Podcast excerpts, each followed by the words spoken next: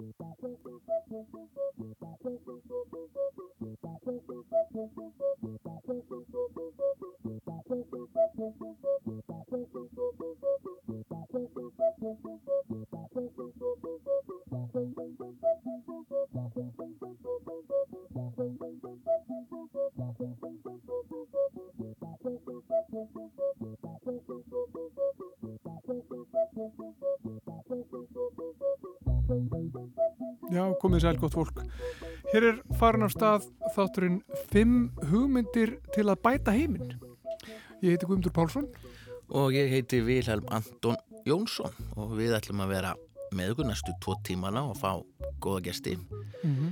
sem, og hver þeirra mun koma með eina hugmynd til að gera heiminn betri. Já. Sumir eru meira sem með fleiri en eina hugmynd. Já, rétt. Einhverjir eru ekki alveg vissir um hver hugmyndin á að vera. En uh, þetta er mjög áhugavert. Ég, þetta, þetta er það, að þetta er mögulega vöknum við getum breytta heimsmynd á morgun eftir þennan þátt en Líklega ekki. mögulega hefur fræjum verið sáð og svona við förum að hugsa um það já, kannski eða meni, við getum breytt heiminum annars væri hann ekki eins og hann er í dag. Því að hann var sannarlega ekki skapaður bara eins og hann er í morgun, þetta er við sem að mótum og heiminn, þegar við segjum heiminn þá við nú kannski það er doldið stórt, sko, það er ekki meira bara svona Samfélagið. samfélag, já, á Já. jörðinni. Við erum takmarkað Já, við erum ekki reyna að breyta- nei, nei, Gangi hímintúnana. það er ekkert svoleiðis. Sem er þetta góð hugmynd. já, já, en, en uh, já, þetta eru alls konar hugmyndir og uh, þeir sem ætla að, að tala uh, í þessum þetta eru Rakel Garðarsdóttir Uh, ég heiti Haugur Viðar Alfreðsson. Jónas heiti ég Sigursson. Já, Elisabeth Jökulsdóttir og maður sem við höfum nú já, tala við áður Vilhelm, í, í þessum þáttum sem við höfum verið að gera hér viltu ekki byggja mannin um að kynna sig Guðmundur? og ég ekki bara byggja hann um það það? Vilhelm, hérna maður má ekki byggja um að kynna þig Ég heiti Kristinn R. Þórisson og ég er prófessor í tölunafræði við Háskólan Reykjavík og um, meðstofnandi Gerugerndiseturs HR og uh, stýri þar líka Vitverðarstofnun Íslands og já, búin að standa rannsóknir í gerugrendi í um, tæp 30 ár. og við báðum þig um að leggja fram hugmynd til að bæta heiminn eina af þessum fimm hugmyndur sem við erum að ræða í þessum þætti til að bæta heiminn og hver er þín hugmynd? Ég er náttúrulega með alveg fullt af hugmyndum sko.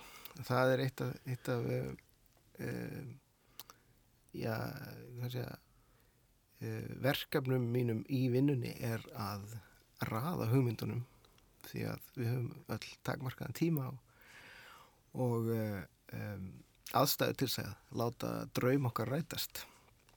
Um, þannig að, að já, við, ég er sagt um, ég eigði tölverðum hluta mínum, mínu starfi í, í að, að forgámsraða og þetta er svona eins konar drauma vél þá sem framleiðir í rauninni lætur drauman að rætast en, en bara suma. Um, Þú spurður um hugmynd. Ég er með alveg frábæra hugmynd. En hún þarnast dáðillar vinnu. En það er sérst að nota gerfugrein til þess að bæta heiminn. Ég er ekki komin mikið lengri en það.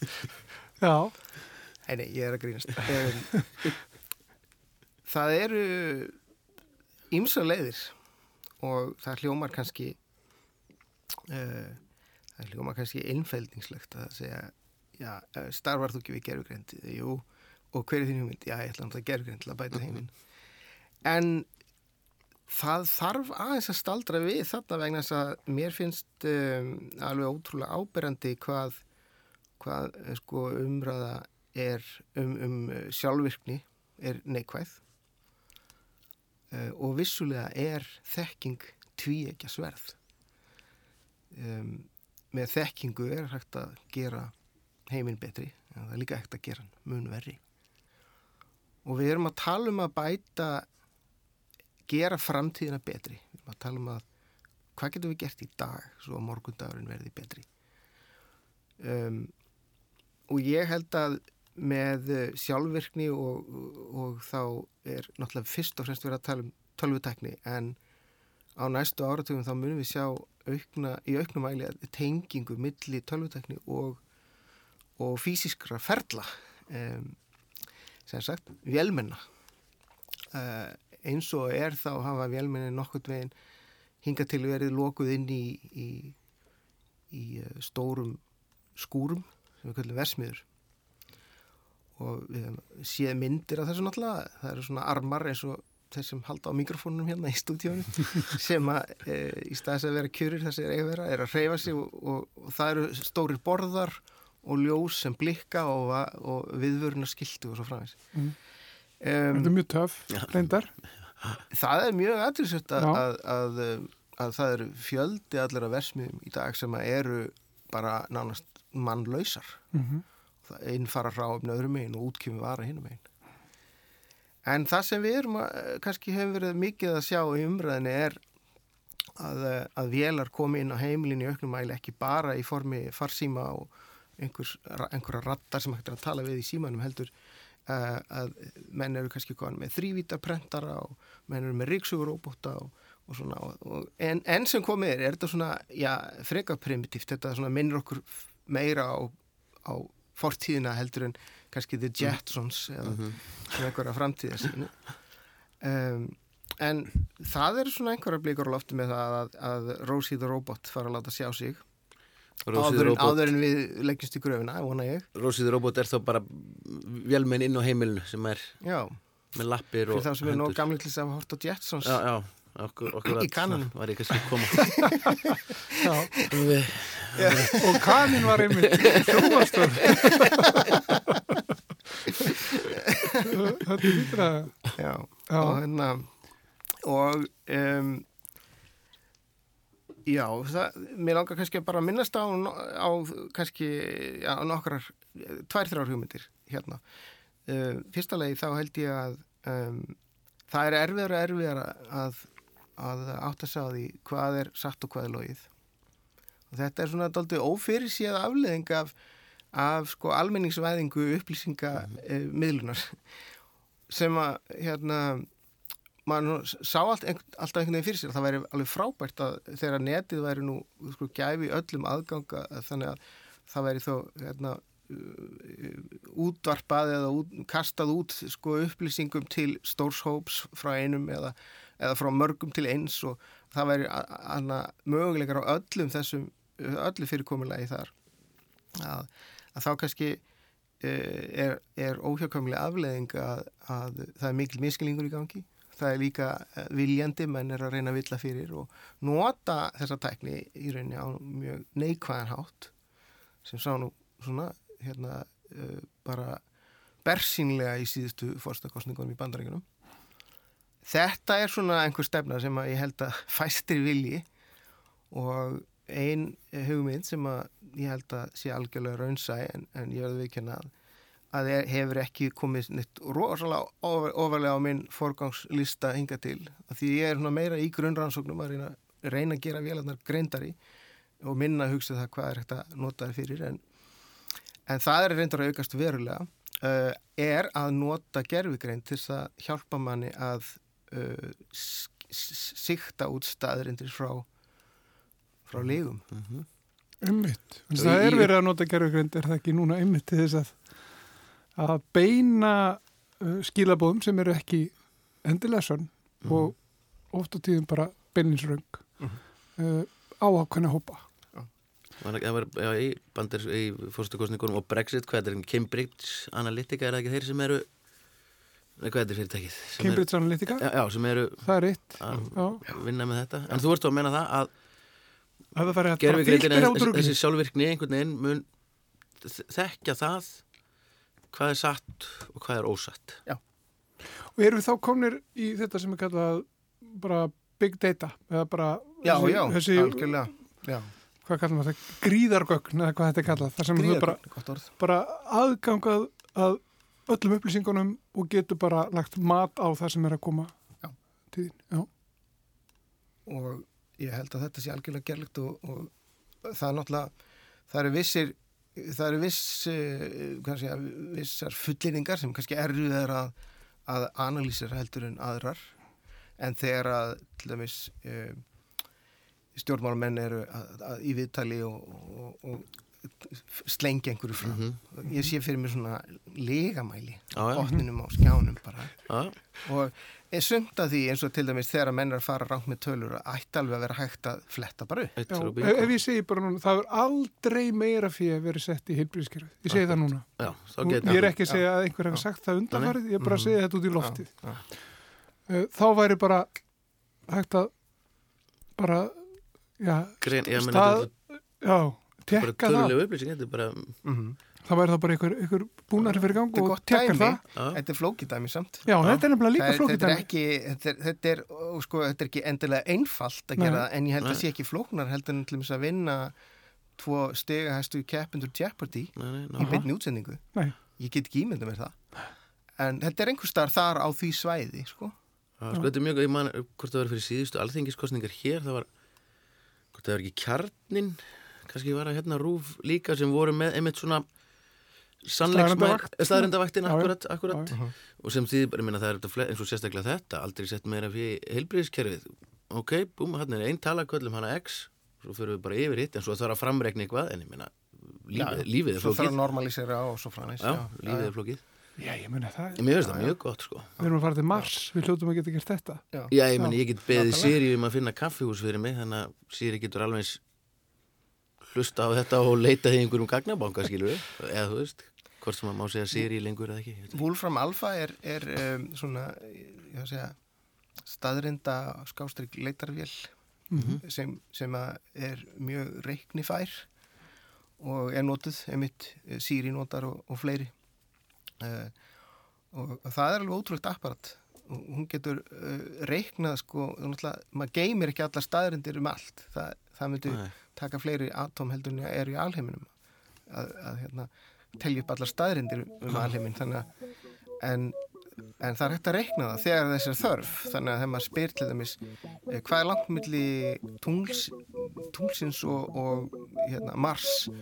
Eh, fyrsta, fyrsta Mars í 2017 eða eitthvað svona. Þá getur hún ég, ég, er, ég var nú búið þetta til þetta dæmi, ég er ekki búið að testa það en já. það, Það það, Það hún reiknar svona hluti út alveg ótrúlegustu hluti sko.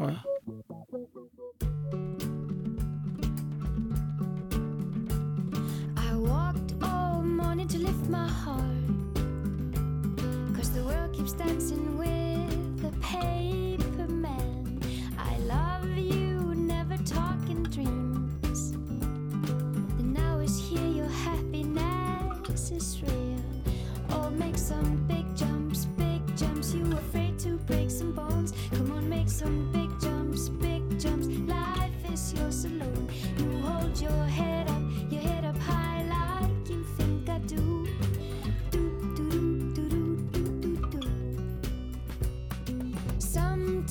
Sometimes I feel so confused. I'm under the illusion that I have to choose. I love you, always know the way. The way back home always is the same.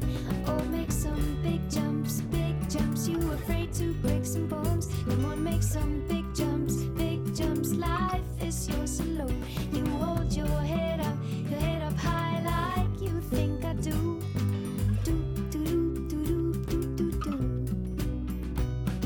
Tick tock, this clockwork will stop. You're the key for winding up my heart. Brick, brack, if you don't wind me up, the sky will lie upon me like a passed out drunk. Without you, I would never rise again. Without you, I would never rise.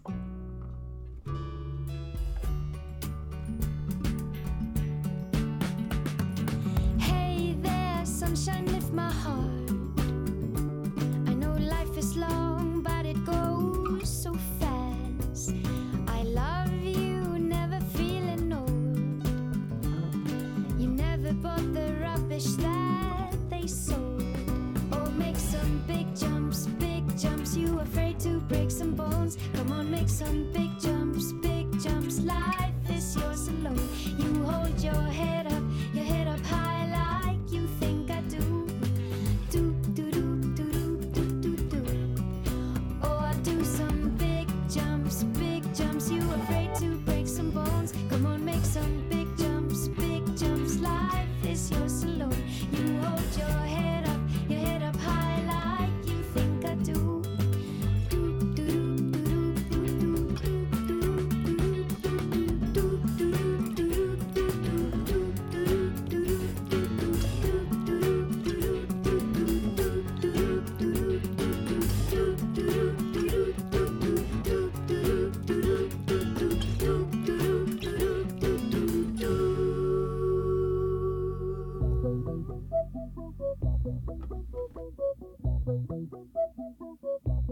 þá er þetta svona beginnan question að þegar hvað sé, svona valda upplýsingar hjá mörgum. Þegar út um allt dreift þá geta allir sett eitthvað inn og sumt að því er satt, sumt er ósatt.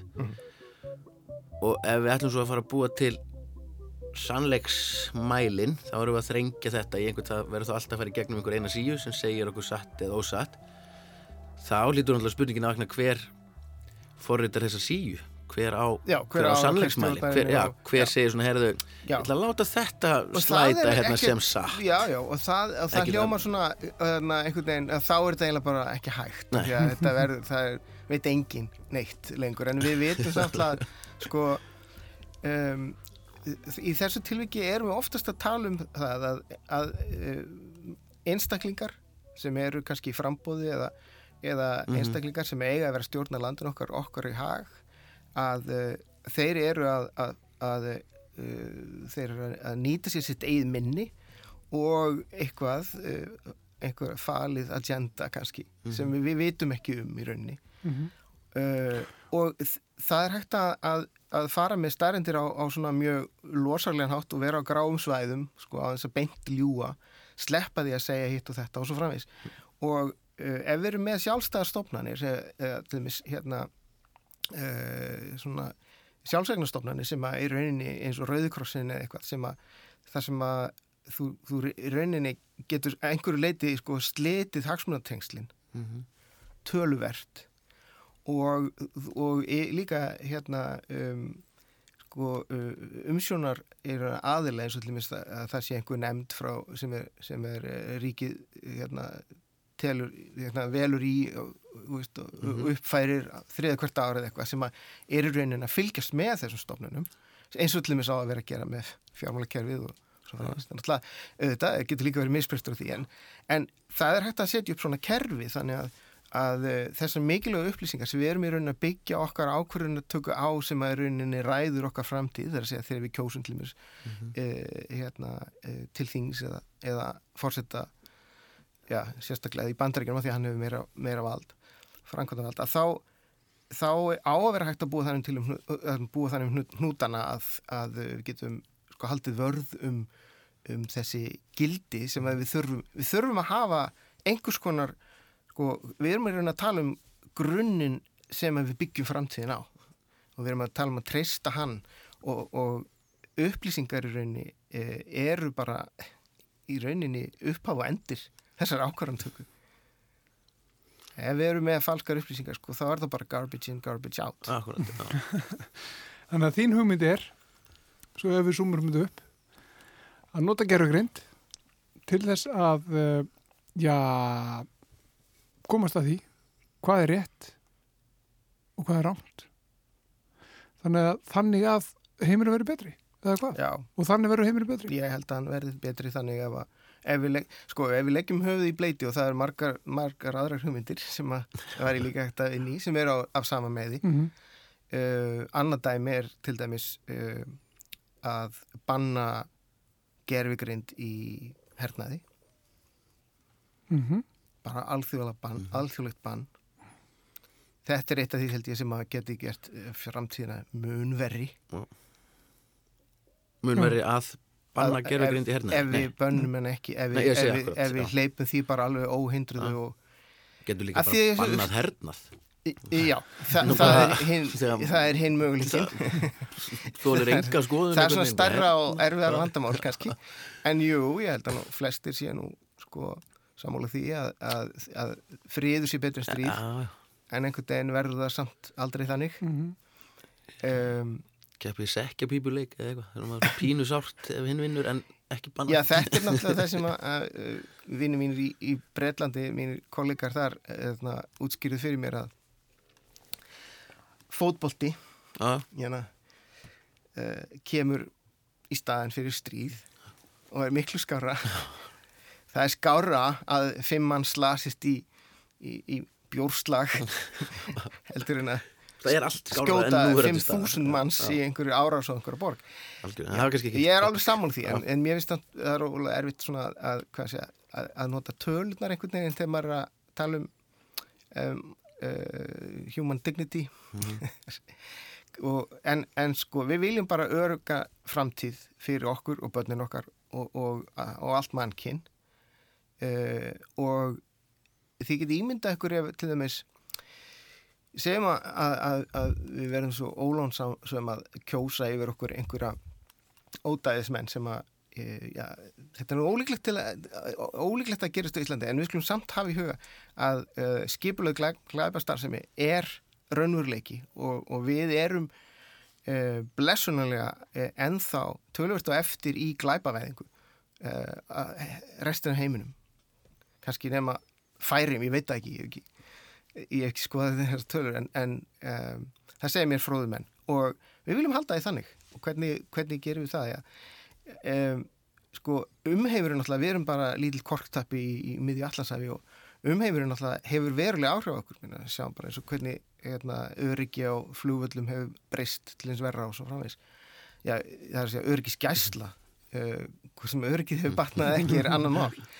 En, en sem sagt uh, uh, við, þannig að ef við, ef við hugsaum okkur að, að hérna, bandaríkinn haldi nú bara áfram að, að renna niður brekkurna í átt að, að tortimingu, sjálfstortimingu að einhverjum tímapunkti að, að þá er gerfugreitin komin í öll þeirra vopn og uh, fyrir einhver mistök eða fyrir, fyrir jável bara ílgirni að þá kemst uh, einhver okkar á lista yfir wanted people og, uh, og þegar við komum heim í dagina þá eru bara drónar með uh, hérna, eiturvopn sem býða manns.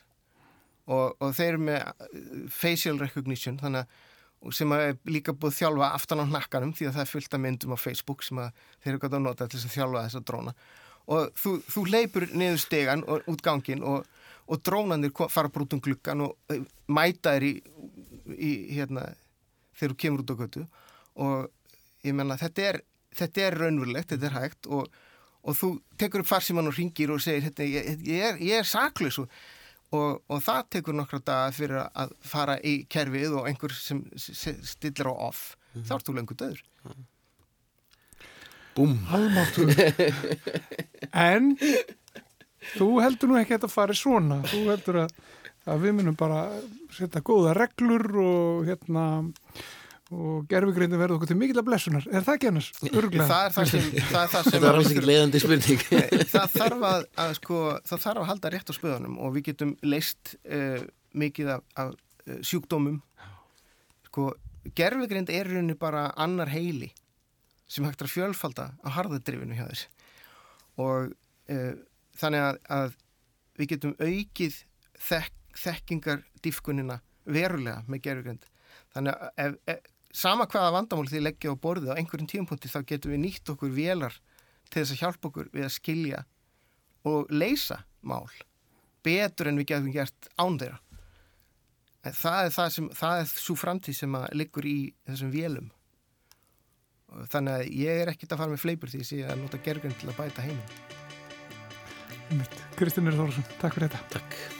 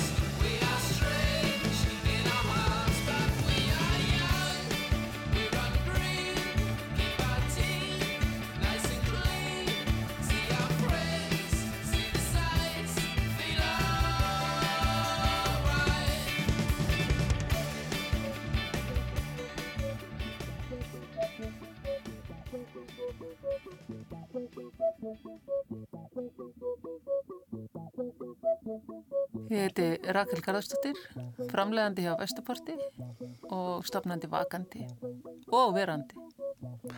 Einmitt. Viltu segja eitthvað frá þinni hugmynd? Já, mín hugmynd er svo að, að út af því að matur er undirstaða lífs og það eru miklar hungursneður og annað út um allan heim að við bara hættum að henda mat og deilum honum jafnar á milli okkar og förum svolítið að hugsa bara, bara, bara heima hjá okkur, það sem við framleiðum Uh, þannig að við missum ekki þá kunnóti. Erum við með tölur, er- hvað við hendum miklu? Erum erum við að henda, Já, já, 30% af þeim mat sem framleidur eru í heiminum er, er hend er hend. og verður bara að moltu einhver stóru út í náttúrunni? eða Já, nei, nei, hann verður ekki inni. Það verður nú gott ef hann yrði að moldu. Ok, En hann verður bara að metangasi á urðunarstöðum í langflestum tilfellum. Hann fer bara með, bara á sorphöðuna. Já, þannig að ef, ef, ef, ef, við- við ætlum að henda mat sem við ætlum að gera, þá verður betra að henda honum bara út í garð. Já, eða flokkan Já, og búa til mold út af því að, einmitt, mold er annað. Við náttúrulega ræktum mat í mold. Ég held að það ekki 500 ár fyrir mold að endur nýja sig og mold fer bráðum að verða skortnum skamti og, og út af lofslæsbreytingum öðru þá er það mjög heitt vísvegar um heiminn og ekki hægt að rækta mat á mörgum stöðum og það eru sem sagt framtíðar flóttamennir og uh, því, sko, maður getur blandað mold og held ég alveg helming við mold. Þannig að það væri náttúrulega bara geggjað að maður myndi breyta þessu í, í hérna mold. Frábærast væri náttúrulega eins og í Back to the Future þegar hann bara fyllt á með banani hýði Já. En náttúrulega sá matur sem við erum að rækta, hann á náttúrulega þetta bara, við erum náttúrulega bara að rækta mat til þess að borða hann, myndi ég halda. Og ég tala ekki um til dæmis eins og dýr, við erum bara rækta alltaf mikið að dýrum, alveg og, og slátra alltaf mikið að dýrum. Og, og hérna, það er mjög óumhverfisent að, að vera með dýr, sérstaklega stór dýr og mikið af þeim. Þannig að allt í lagi ef þetta er bara, bara sjálfbarni, ef þetta er nóg fyrir alla og, og enginn að skaða neitt. En þegar við erum að offramlega, eins og við hefum séð frá Ameríku, þegar eru að fljúa yfir hérna hambúrgaranautin. Þetta er náttúrulega skjálfilegt þegar maður er bara að rækta þetta upp til að henda einum þriðja. já, já. Er En hvernig, en hvernig gengur það upp? Hvernig getur það bara skilað einhverju að gera þetta svona? Ef sko, spurningin er eiginlega af hverju er þetta svona? Af hverju er, Ef af hverju erum við að framleiða svona mikið að við hendum næstu í þriðjungi? Eða við þá með við þá yfir kannski í Vesturland? já, það, það er spurning, sko, það er náttúrulega ein helst ástæðan að ég held fyrir að vera um að henda mat er að við virðum hann ekki nóg. Uh, nú, hérna, er oft verið að tala um matvöruverð og við viljum alltaf hafa matvöruverð mjög lágt.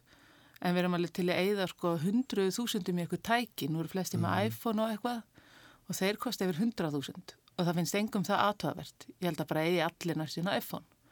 En, en á sama tíma viljum við ekki borga neitt fyrir mat uh, og viljum bara einmitt, eins og ég segja, hafa hann ódýran. Og það er náttúrulega líka svolítið sérkennileg þróun og það er spurning hvort við séum ekki bara nú búa flestir í borgum og við erum komið langt frá sveitinni hvort að við bara séum ekki búin að missa tenginguna við mat ég meina hvað kostar að veiða í, í lagsá, fítni lagsá halva miljón Mhm.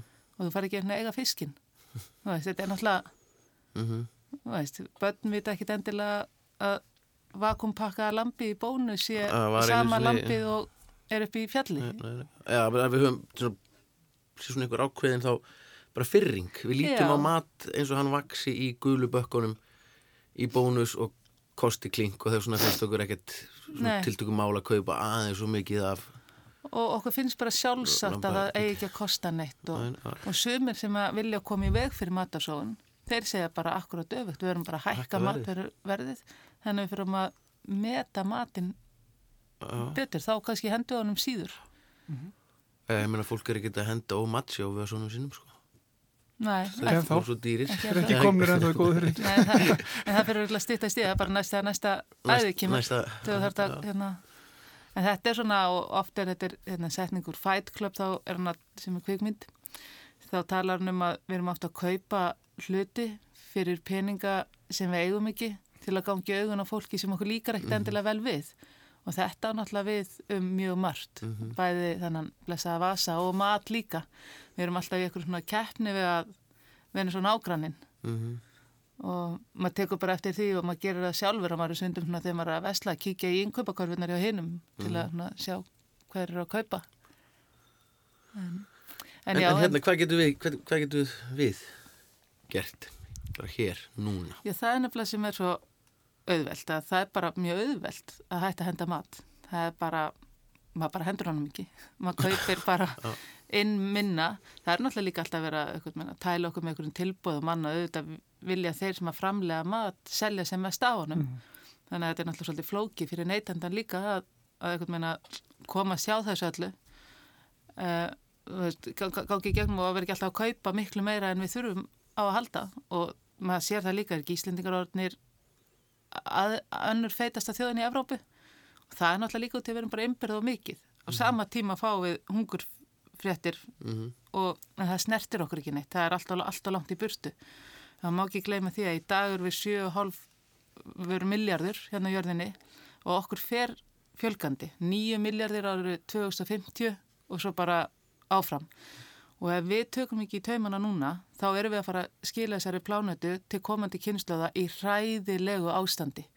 Og það er oft talað um það að maður eigi að, að við séum með sko jörðina láni frá næstu kynnslóðum og það er ekki, það lítur eiginlega ekki þann út í að maður fær eitthvað að lána þá skila maður því í sama ástandi eða betra. En það er þá bara frekar eins og við séum bara búin að stela jörðinni frá komandi kynnslóðum til að rústinni til að láta þau kljást við vandan sem að gæti orðið mjög erfiður en gæti verið mjög nöðveldara fyrir okkur í dag. Þarna er það er þá augljóslega verið að framleiða of mikið mat. Já, Það er nokkuð nokkuð Eða sko fyrir þessa markaði að Já. minnst sem er að, að, að við erum að tala um Já, hérna á Vesturlundum sem að, og þeir eru þá neytendur þar er að kaupa of mikið mat já, alltaf mikið. af því hann enda bara ruslinu. Já, Um, e, hvar er þá, sko, liggur vandin hjá neytendanum sem er að kaupa of mikið eða liggur vandin hjá framlætunum og þeir sem er að selja matinn sem er að, að, að pakka honum í, í stærri pakningar, Sko, ég held láta þetta fólk kaupa meira. nefnilega einmitt að fara út fyrir þá. Þetta er bara, ég hef mikla trú á að við sem einstaklingur getum bara hérna, breytt heiminum. Og það þurfa bara allir að breyta sínum hugsunahætti. Bæði við neytendur og framleiðendur og bara allir. Það þarf að breyta reglugerðum og, og annað. Og það er náttúrulega líka annað eins og ég er að tala um að þetta þurfum við líka að borða uh, lokal mat miklu meira en við gerum. Og uh, það er búið að vera í umræðinni íslensku matur er mjög dýr og það er nú bara eitthvað sem að ég, stjórnvöldu eitthvað að fara að gera eitthvað í held ég. Niðugreiða hvað sem að það er sko. Þannig að það getur verið á sambarlegu verði. Og það sem er að gerast núna í heiminum eins og með kínoa sem er superfæða rættu í Peru að vesturlandabúar eru nýbúinur uppgöta hérna, mátt þessara superfæðu þannig að þeir kaupa allt kínóið frá Perúabúum. Þannig að Perúabúar fá svo mikið verð fyrir það að þeir eru hættir að gefa börnunum sínum það, selja frekar til Vesturlanda. Og nú er bara staðan svo að það er mjög mikið um veik börn í Peru út í að þeir eru ekki að fá þessa undirstöðu sem eru búin að fá í hundruð ára eða þúsundur ára. Og þetta er mjög merkilegt líka að við erum farin að kaupa of mikið frá öðrum fátakum löndum sem að þá get ekki borðaða sjálf. Þau eru farin að skipta út matnum sínum fyrir eitthvað annað sem er síður og kannski hendar ekki þeirra uh, bara lofslægi og annað. Og, og já, bara þannig að við hérna upp á Íslandi getum borðað eitthvað sem er ræktað í Peru í staðan fyrir að borða bara okkar það sem við ræktum hér á landi. Þannig að þetta þarf líka svolítið að, að finnst mér að huga að og bara upp á matalögur ekki framtíðarnar segjum svo svo að einhverja leiðir lokast eða eitthvað gerist að við séum ekki bara búin að bæja að missa kunnáttu eigum bara, eh, já, getum bara ekki hérna, framlettin í ræktan og mikið mat fyrir okkur sjálf Svona þegar eftirspurnin kviknar á Vesturlöndum þá er mjög mér að fristandi að selja það þangað heldur en bara þetta er eins og með, ég veit ekki, með þorskin. Við Já. bara fengum aldrei þorsk á Íslanda því að það fekk svo gott verð fyrir hann en svo sátum við uppi með þetta ógeð sem að Ísan er sko. ekkert ógeð. Mér finnst þú ekki maklegt að því að fara að tala niður hérna þessa Ísuna. góðu fyrstegund Nei, nei, það er aldrei að gera. Ísan er indisleg. Hún er ekki hér til að svara fyrir Nei, sig. nei, það er rétt. Ég byggðist bara fulltrúa Ísunar, afsökunar og svo dreik þessu umæli strax tilbaka. En og með kaffi, en núna eru kynverðar búin að kveikja kaffi og það eru bara mjög mikið af fólki í Kína og þá náttúrulega breytist allt. Ég menn þeir voru bara í sínu te og ræktuði sér te. Núna vilja þeir frá kaffi, frá hinum meginn og hnettinum og þá náttúrulega þannig að þetta þarf líka, það er margt að huga þegar maður er að, að hugað mat út af því eins og ég segi, er náttúrulega er, það fer vatn og alls konar orka og, og landsæði og annað undir að rækta mat og þetta er undist að þess að við getum lifað er náttúrulega vatn og matur ásamt öðru að sjálfsögðu. En bara svona, já, svona að lokum. Ertu ekki samt bjarsinn á að okkur takist að... Jú, ég er Leysa nefnilega þennan ótrúlega, vanda. hérna, bjarsinn á það út af því að þetta er svo auðvelt. Þess vegna það maður bara að minna á reglulega. Og ég er mikla að trúa því að Íslendingar séu alveg að vakna og, og heimurinn með að hérna að eins og núna er að koma vestlani sem að selja stærri einingar og annað að bara fara og vera sniður og veist, að kaupa og muna það eftir að frista og, og allt þetta að deila með nágrannanum eða, en það er bara þetta láta það ekki enda í ruslafittin það er alltaf einhver hann úti sem að til í að borða matinn. Og ef það er ekki fólk þá bara eitthvað dýr. Ég myndi að, Rakel Garastóttir, takk fyrir þetta. það var nýtt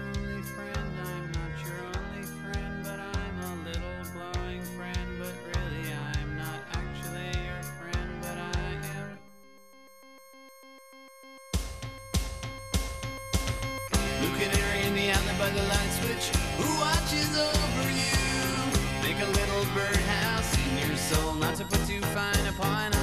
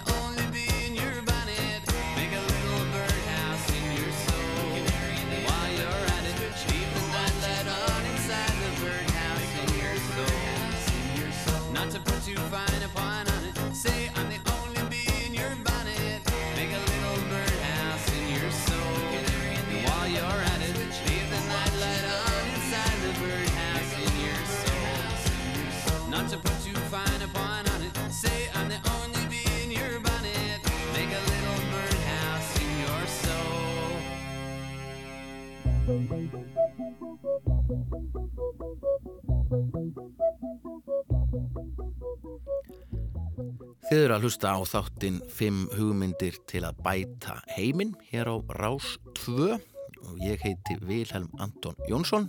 Og ég heiti Guðmundur Pálsson. Og við erum nú búin að heyra tvær ansi góðar hugmyndir um, sem að, já, ef við höldum rétt á spöðunum, eins og maður segi, myndu bæta heiminn. Já, sann, sannarlega, sannarlega. Hug, Hugmyndir eru nefnilega Það eru skemmtilega, það eru margir með hugmyndir sem, er, sem er gott og oft finnst mann eins og þær sé á sveim í einhverjum potti og svo er það bara hver sem grípur hana fyrstur og framkvæm Veiðir hana upp úr pottinum. veiðir hana upp úr pottinum sko. Já. ég, ég er til dæmis með hefur gengið mig í maðan mörg ár frábæra hugmynd ég ætla að bæta, ætla að bæta akureyri sem Ok. er svona smækkuð útgáfa af heiminum er til dæmis sko að því að gilið á akureyri og þetta er mjög einföld, mjög einföld hugmynd gilið, brattabrekkan á akureyri sem er oft ófæra og vetur út af hálku. Og það er sandað og svo verður þetta einn mengaðasta gata á Íslandi þegar keirum sandin upp á, á nagldekkjanum en rétt fyrir ofan gilið eru svona miljón rúmlítrar af heitu vatni sem heitir sundlaugin á Akureyri. Og ykkvert þarf það vatn að fara. Það hlýtur að vera, nú hlutaði nú fyrir örglega eitthvað svona gegnum streymis en væri ekki lítið mál að gera svona eins og fólk gerir í bílastæðin sín svona pípulagnir og siksak Einmitt.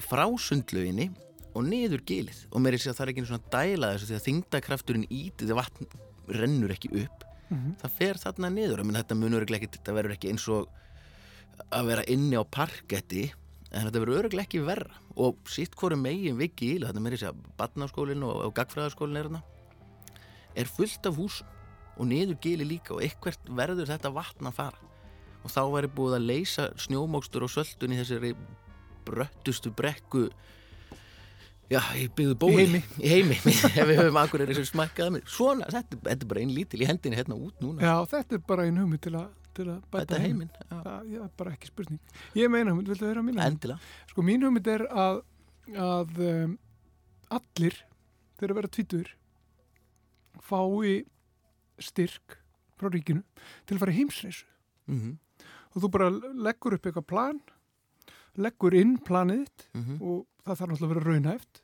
og það er kannski eitthvað sem maður getur hjálpað með, með planið og þá færi bara eingreislu frá ríkinu bara, gjör svo vel, þín heimsreisa mun kosta 2,5 miljón, hér er 2,5 miljón farðu út í heim, Já. skoðað heiminn fáðu henn, fleiri hugmyndir vikaðu sjóndildaringin, Akkúrat. komdu svo með þetta til okkar í Já. okkar samfélag og gerum heiminn betri. Þetta heitir, bara ekki, fjár, þetta heitir ekki styrkur, heldur heitir þetta fjárfesting allstæðir heiminn. Fjárfesting. Akkurat, arðbær fjárfesting. Já. Það er að veða það, það eru margar Ja, hugmyndir þessi, þessi er mjög góð. Við ætlum að, að heyra næstu hugmynd og hún er frá þessu manni.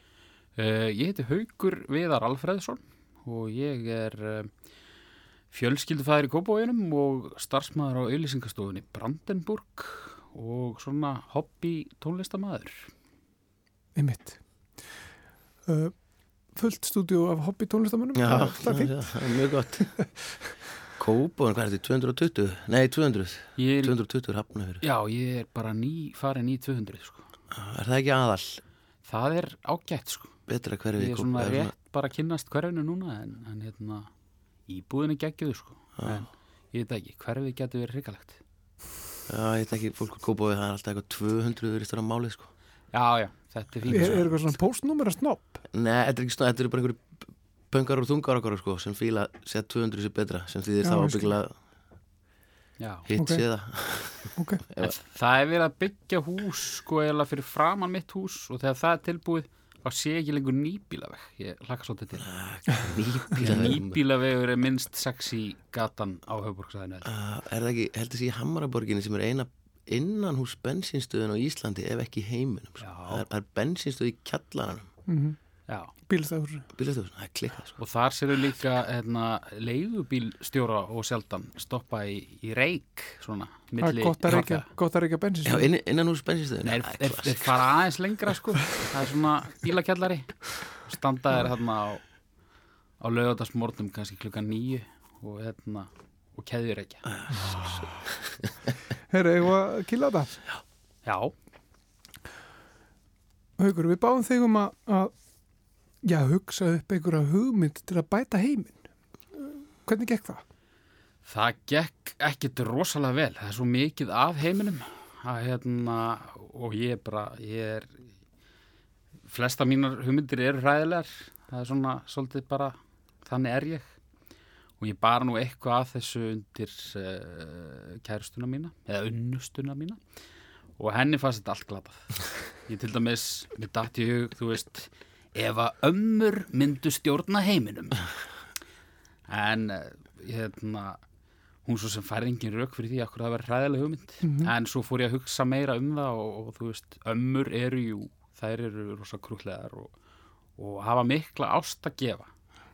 En þú veist, ef við myndum ímynda okkur ömmu sem væri bara einhver einvaldur hérna á Íslandi og það kæmu einhver, einhver bláfátækir og myndu byggja meira fjármagn í hitt og þetta og þær myndu, já, elskan mín, ekkert mál Það En er þú þú meina svona ömmur eins og í skáldsög ömmunum til Já, já, Angela Merkel var bygglega amma sko. já en, en ég skil hvað að meina það meina svona bíómynda amma. svona kleinu bakandi ömmu kleinu bakandi já. En þú veist, það er náttúrulega getur heldur ekki sagt nei við ykkur að hérna, kótagreifa sko. Það því að ömmur Já. þær, hérna, Þær- eða svona staðan í myndin af ömmunni, hún, þú veist, hún segir ekki nei við neitt og það, þar væru við kannski farin að rek- rekast á ykkur veggi. Sko. Það eru of góðar. Þær eru það er of samt að góð. segja. Já, Okay. það Þannig að að þú, geta, þú Að spólaðir yfir þessa hugmynd Afskjöðar þessa hugmynd. ég afskrifaði þessa hugmynd og, og hérna, svo fór ég nú út í eitthvað klósett húmor sko. Var, nei, við skulum bara sleppa því. Ok, en hérna en ég fór síðan það er náttúrulega það var svolítið klísi að tala um þetta ef að konur bara yfir höfuð myndu ráða öllu. Það er fallið hugmynd og ég vissum hún myndi bæta heiminn en, en, en ég fór að spá í kannski svona tvist á þá hugmynd. Og það er eiginlega svona kannski mín loka hugmynd ég er ekki búin að hugsa þetta neitt rosalega langt þannig að þið getið alveg potað í þetta og fundið örgulega ymsa vankant á þessu. En það er sem sagt ef að uh, ef að ungi drengir bara börn ef að þeir eru sem sagt sprautaðir með hvern hormónum nokkur reglulega svona á uppvakstar árum sínum. Ég held að þessi best að gera það þá. Svona bara aðeins til að taka þetta edge af, aðeins stilla af heiminn. Út af því að uh, jú, jú, það er alveg til konur sem að uh, hérna, eru vittlesingar og alveg svo karlar. En, en svona það er þessi æði bunu gangur sem að kannski einkennir svolítið okkur karlana og, og ég held einhvern veginn að ef við værum með aðeins meira kvenlegt í okkur þá myndum við til dæmis hugsa áður en við tölum. Eins og ég gerði augljóslega ekki áður en ég varpaði fram sér hugmynd Guðminn Álmáttu og hérna og ég menn eins og til dæmis bara slagsmál og ofbeldi. Það er engin tilvilun að til dæmis þegar að það er ykkur það er ykkur byssu maður eitthvað stað sem lögreglan þarf að það er alltaf maður, það er alltaf maður með byssu og kannski svolítið mikið að brennivinni Mhm. en það er aldrei kona nú ef við skoðum til dæmis bara heiminn allan þetta er alltaf kallar einstaka sinnum kannski ykkur morðóð amma í Mexiko maður les svona í furðu fréttum já það er furðu frétt. Það er alltaf furðu Já, frétt. já, já. en hérna þessi full reynd með kallana Mm. og ég held að þurfum bara aðeins að svona kannski minka þetta breyða bil og svona aðeins Mhm. aðeins svona á að segja Já, konur er ekkit bara mjúkar sko. geta verið alveg, alveg grjótharðar Mhm. en það er svona já, það er hafa klárlega eitthvað sem að okkur skortir já. Ertu, sko, að því þú segir sprauta með, með hvern hormónum, hefur þú rannsaka það eitthvað? Hva, hvernig það myndi, svona, hvort það myndi duga? að sjálfsögðu ekki nei, nei Nei. En hérna, nei, nei, bara ef það væri einhvern veginn hægt að svona, minna eins og til dæmis eh, karlar, kannski sérstaklega eh, svona karlar á aldrei við feður okkar. Mhm. Þetta eru dásamlegi menn, indislegi menn. Þeir eru rosalega svona, og nú er ég auðvitað að alhæfa. Það er ekki Já, gaman en er að... þetta svona þátturinn til að alhæfa í Ég er það ekki. Jú, alhæfðu alveg Al- eins og Þetta þú eru svona, þeir eru bara, þeir geta verið svolítið bældir.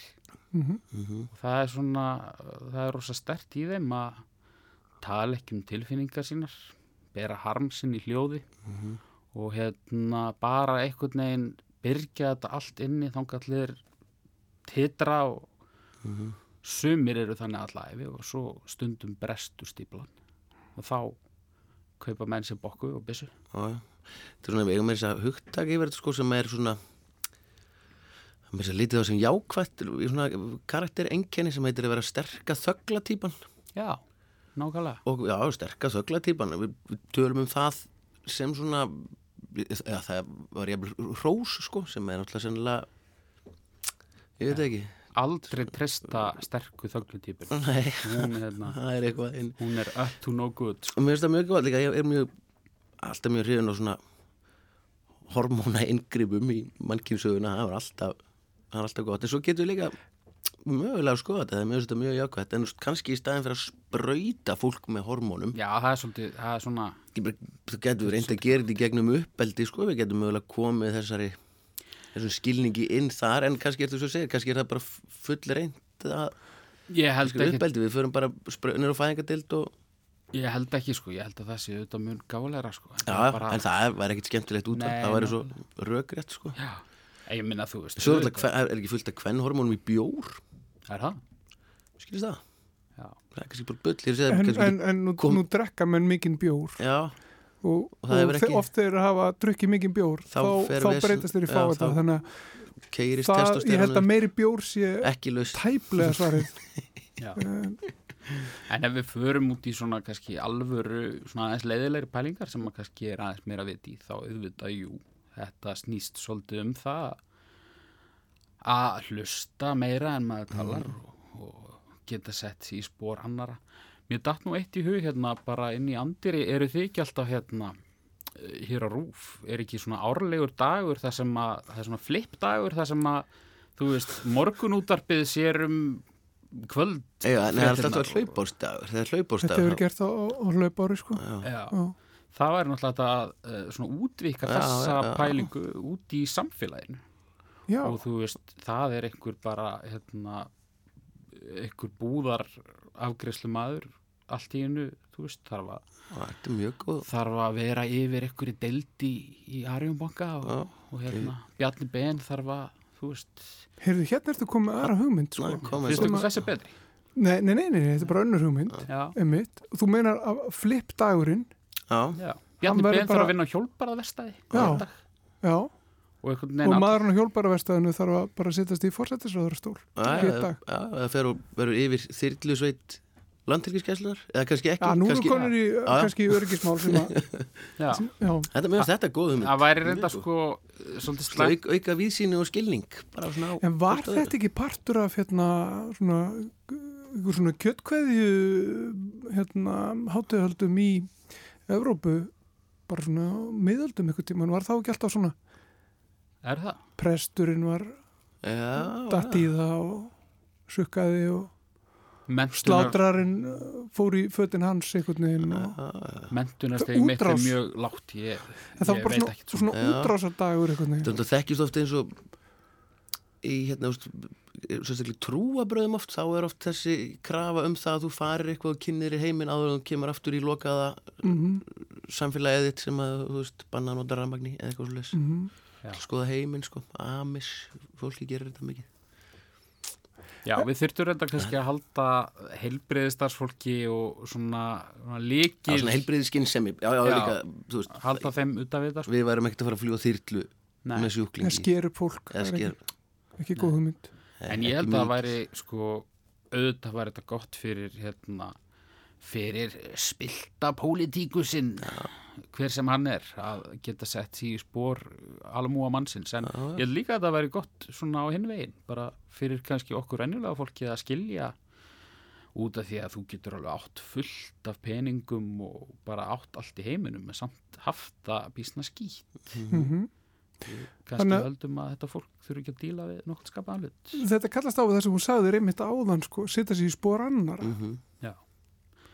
Já, ég hef ekki að bakka með þessa hormónapælingu. Hún er svolítið svona, Nei. hún heldur ekki alveg vatni.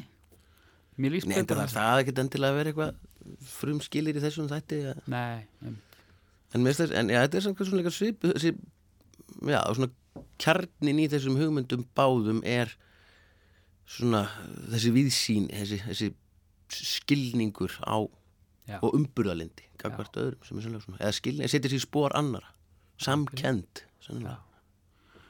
og kannski hlustendur vita það ekki, en ég sitt hér einmitt og er að faðma tre í þessum tölu já, Ég verður bara að treysta því.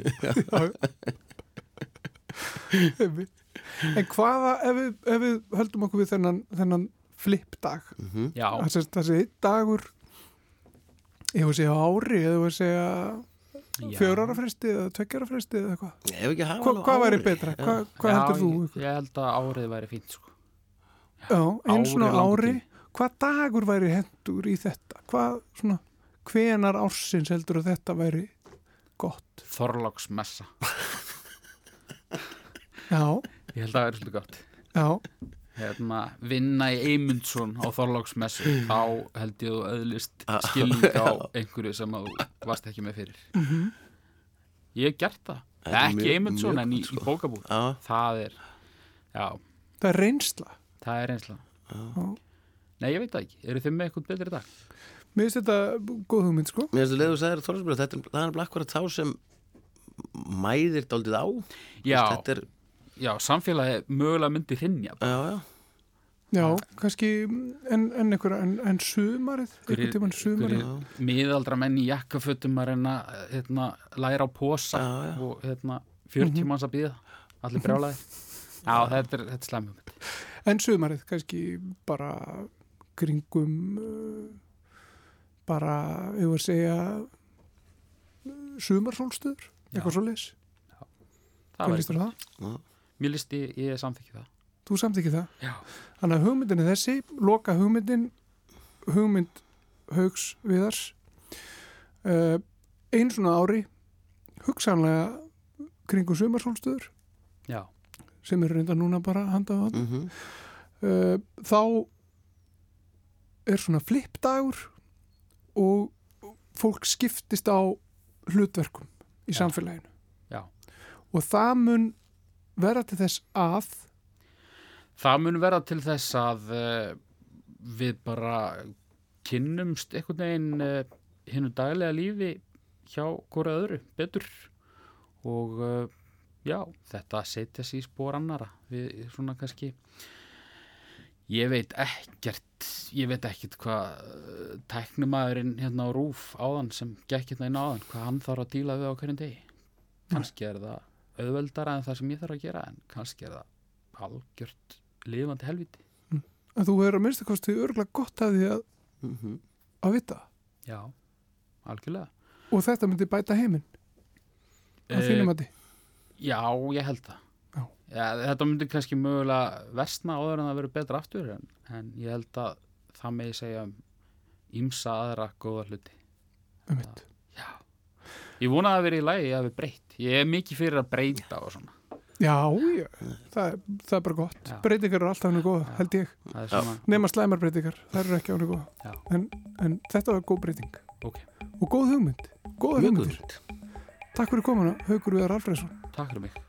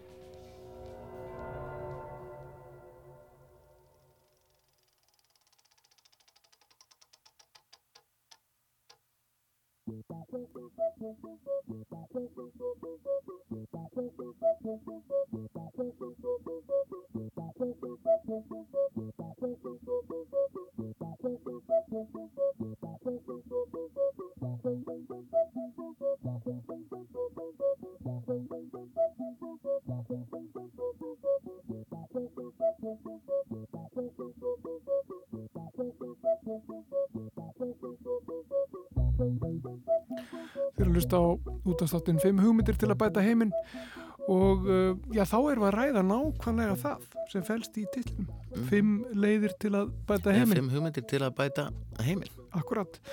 Og við höfum nú þegar hýrt uh, þrjár þrjár, býsna góðar hugmyndir. m- mjög góðar Ske skemmtilegt fólk Mm sem hefur komið og svona það eru ólíkar en miða já, alltaf auðvitað miða er allar að því að bæta heiminn annars væru þessar hugmyndir ekki í, þessum, þessum þætti sko. Það var þá öðrum þætti sem þetta er kannski 5 leiðir til að gera heiminn verri. Já, já. eða 5 hugmyndir til að gera heiminn leiðilegri eða eitthvað fyrir. Þetta er ekki sáþáttur. Nei, nei, nei, nei, og svo er er bara svo gaman þegar maður fær svona skemmtilegt fólk í heimsók sem er að hugsa og pæla og spá. Því svo er, setur maður kannski heima og sumir eru sammála og hugsa bara þetta er sniðugt. Mm og aðrir hlustendur eru bara er nú bara bull því við Er erum, þetta ekki bara einhver bóla? er þetta ekki bara eitthvað bóla en, hérna, en ég er alls ekki að gera lítið úr fólki Nei, sem er nei. þessu sko, mismunandi hugmyndir. Akkurat, sko, það er bara svo gaman þegar maður heyrir hugmynd eða eitthvað þá fer maður oft af stað sjálfur maður kannski byrjar að gaggrina og svona finnur einhverja leið til að gera þetta betra eða einhverja mögulega fræja er þetta hægt í framkvæmt en væri kannski þetta hægt ef ekki? Það er svo þægilegt og, og, og gaman þegar, þegar hausin á manni fer aðeins að, að vinna sko, svona aðeins að Já. eitthvað Fab, fabulera sko, fær svona frjálsar, frjálsar hendur Einmitt. sko. og það er margt gott sem að hefur gerst að því bara einhver fekk hugmynd. Einhver fekk hugmynd, já, en næst ætlum við að tala við góðan mann mjög góðan já. sem er nú uh, stattur á spáni reyndar Já. þannig að við þurfum að nýta okkur tæknina og sem er hugmynd sem einhver akkurat einhver þetta í hug af hverju, heyrðu, við býtum svona forrit sem gerir fólki klift að tala saman ah, á milli landa sem er ekki sími Nei. þetta er eitthvað annað Ég ekki að heyra það í honum Halló, halló. Sæll og blessar, segðu okkur hvað þú heitir og hvað þú gerir Blessaður. Jónas heiti ég Sigursson, tónlistamæður og, og forritari. Ymmit Jónas, Já, við ætlum að byggja þig um að að um, já, leggja púkið í þessum þætti um, við höfum verið að byggja fólk um að, að leggja fram hugmyndir til að breyta heiminum og já. þú er búin að velta þess aðeins fyrir þér ekki Ég var rosalega gladur ég skildu það hafa sambandi um mig. Mikil heiður að fá að tjá sig um þetta mál. Ég hef mikið hugsað með þetta, hvernig getum gert heiminn betri. Sko, hugmyndir sem að ég, sko, það sem minnst málið með þetta, það er náttúrulega er mjög erfitt að staldra einhver eina hugmynd. Ég fór að, að það er svo margt sem að náttúrulega þarf að gerast. Og ég var að hugsa svolítið um þetta eftir að við töluðum saman uppalega sko og þá hugsaði ég svona já þú veist það er bara eitt sem við þurfum að gera þú veist, við þurfum bara að elska hvort annað meira það er bara, það er bara orðið akút mál svo náttúrulega kannski hérna hugsaði ég sko það er kannski ekki alveg hægt að presenter, eh, sérst, það er ekki alveg hægt að kynna það sem eitthvað svona nýstarlegt það er svona, menn eru búin að vera að tala um þetta. Jésu og Búta og einhver fleiri hafa komið með þessa hugmynd. Bílarnir mér sér Bílar bíklarnir og nefndu það ekki. En málið sko þú veist, þetta er, við, við erum svolítið það sem að ég verið að hugsa við hefum verið svolítið svona mikið fókuseruð á tækni þú veist, hvernig tækni og tækni nýjungar munu gera lífið betra. Og, og mér finnst svolítið skemmt þetta því veist, ég vinn sem forreitari og er svona, hef verið rosa mikið tölvunörd bara segðan ég var lítill strákur. Og og mér fannst svo skemmtileg sko ég fór að hugsa um þetta. Ég fór í gegnum þetta sjálfur svolítið að hafa svona óbúslega trú á hvernig tækni myndi umbreyta heiminum. Og ég man svo vel eftir þegar ég var að þegar ég var að læra kerfisfræði hérna, um, kringum aldamóti 99-2000 og þá var svona, þá var interneti svolítið að springa út og ég var að læra á svo mikið um hvernig interneti virkar og hvernig það er búið til af sjálfbóðaliðum og hvernig það er svona valda, svona valda lust, sko, allt frjálst. Og ég var bara svona, wow, interneti á aftur að breyta heiminum, veist, og ég bara sá fyrir mér, veist, og ég var að segja við alla vini eitthvað, eftir tíu ár, þú veist, þá verða allir bara á Facebook, bara, nei, fyrir ekki þið, ekki Facebook, á Wikipedia, verða allir bara Wikipedia að skrifa ykkur greinar og deila og ég sá um eitt ekki fyrir mér, sko, Facebook og fake news og allt þetta sem höfum í dag. Því svo kom þessi tekni og hún einhvern veginn kannski snýri svolítið í höndunum á okkur. Allt þetta opna allt þetta flæði. Þannig að, þú veist, við hugsun, sko, hvernig getum við í rauninni í praktís, sko, elska hvort annað meira, þá held ég að besta hugmynd sem hefur komið fram, það er hugmyndin um borgaralaun. Þessi hugmynd, og það er það sem ég myndi vilja ræða hérna. Það eru hugmyndin um veist, sem gengur út á það að, að lönd sem eins og Ísland, þau, taki upp hægt og rólega þá stefnu að rauninni enginn er skilin eftir. Þú getur verið með fyrirtæki, þú getur grætt og þú getur bara gert það sem þú vilt á hvernig átt. En, en það er enginn skilin eftir í ræsinu. Þannig að allir fá aðganga ákveðinu grunnframfærslu sem að getur dekkað húsnæði og heilbyrðstjónustu og sliðis. Mhm. Og það er þá bara ákveðin uppað sem að allir fá. Bara Já. allir. Já.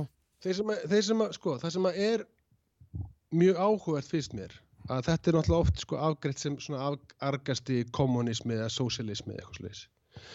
En það sem er svolítið áhugavert að í dag eru menn að tala mikið fyrir þessu og mest þeir sem að eru að stjórna stóru teknifyrirtækjunum. Við sjáum fyrirtæki eins og Microsoft, eins og Tesla, eins og Facebook. Allir framkvæmdastjórar, eins og framkvæmdastjórar, allar þessar fyrirtækja hafa stigið fram og sagt, heyrðu, við erum að sjá hvað stefnir, þeir eru náttúrulega að vinna með þessa gerfigreind. Þeir eru að sjá, þú veist, í hvað stefnir, sko.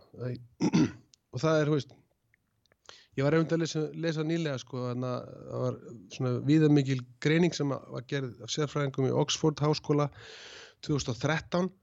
Þeir komist að þeirri niðurstöðu að sko 47% af vinnuafli í bandaríkjanum mætti í framtíðinni skipta út með tækni sem nú þegar er til í frumgerð. Það er ekki, við erum ekki að tala um tækni sem verður fundin upp í framtíðinni.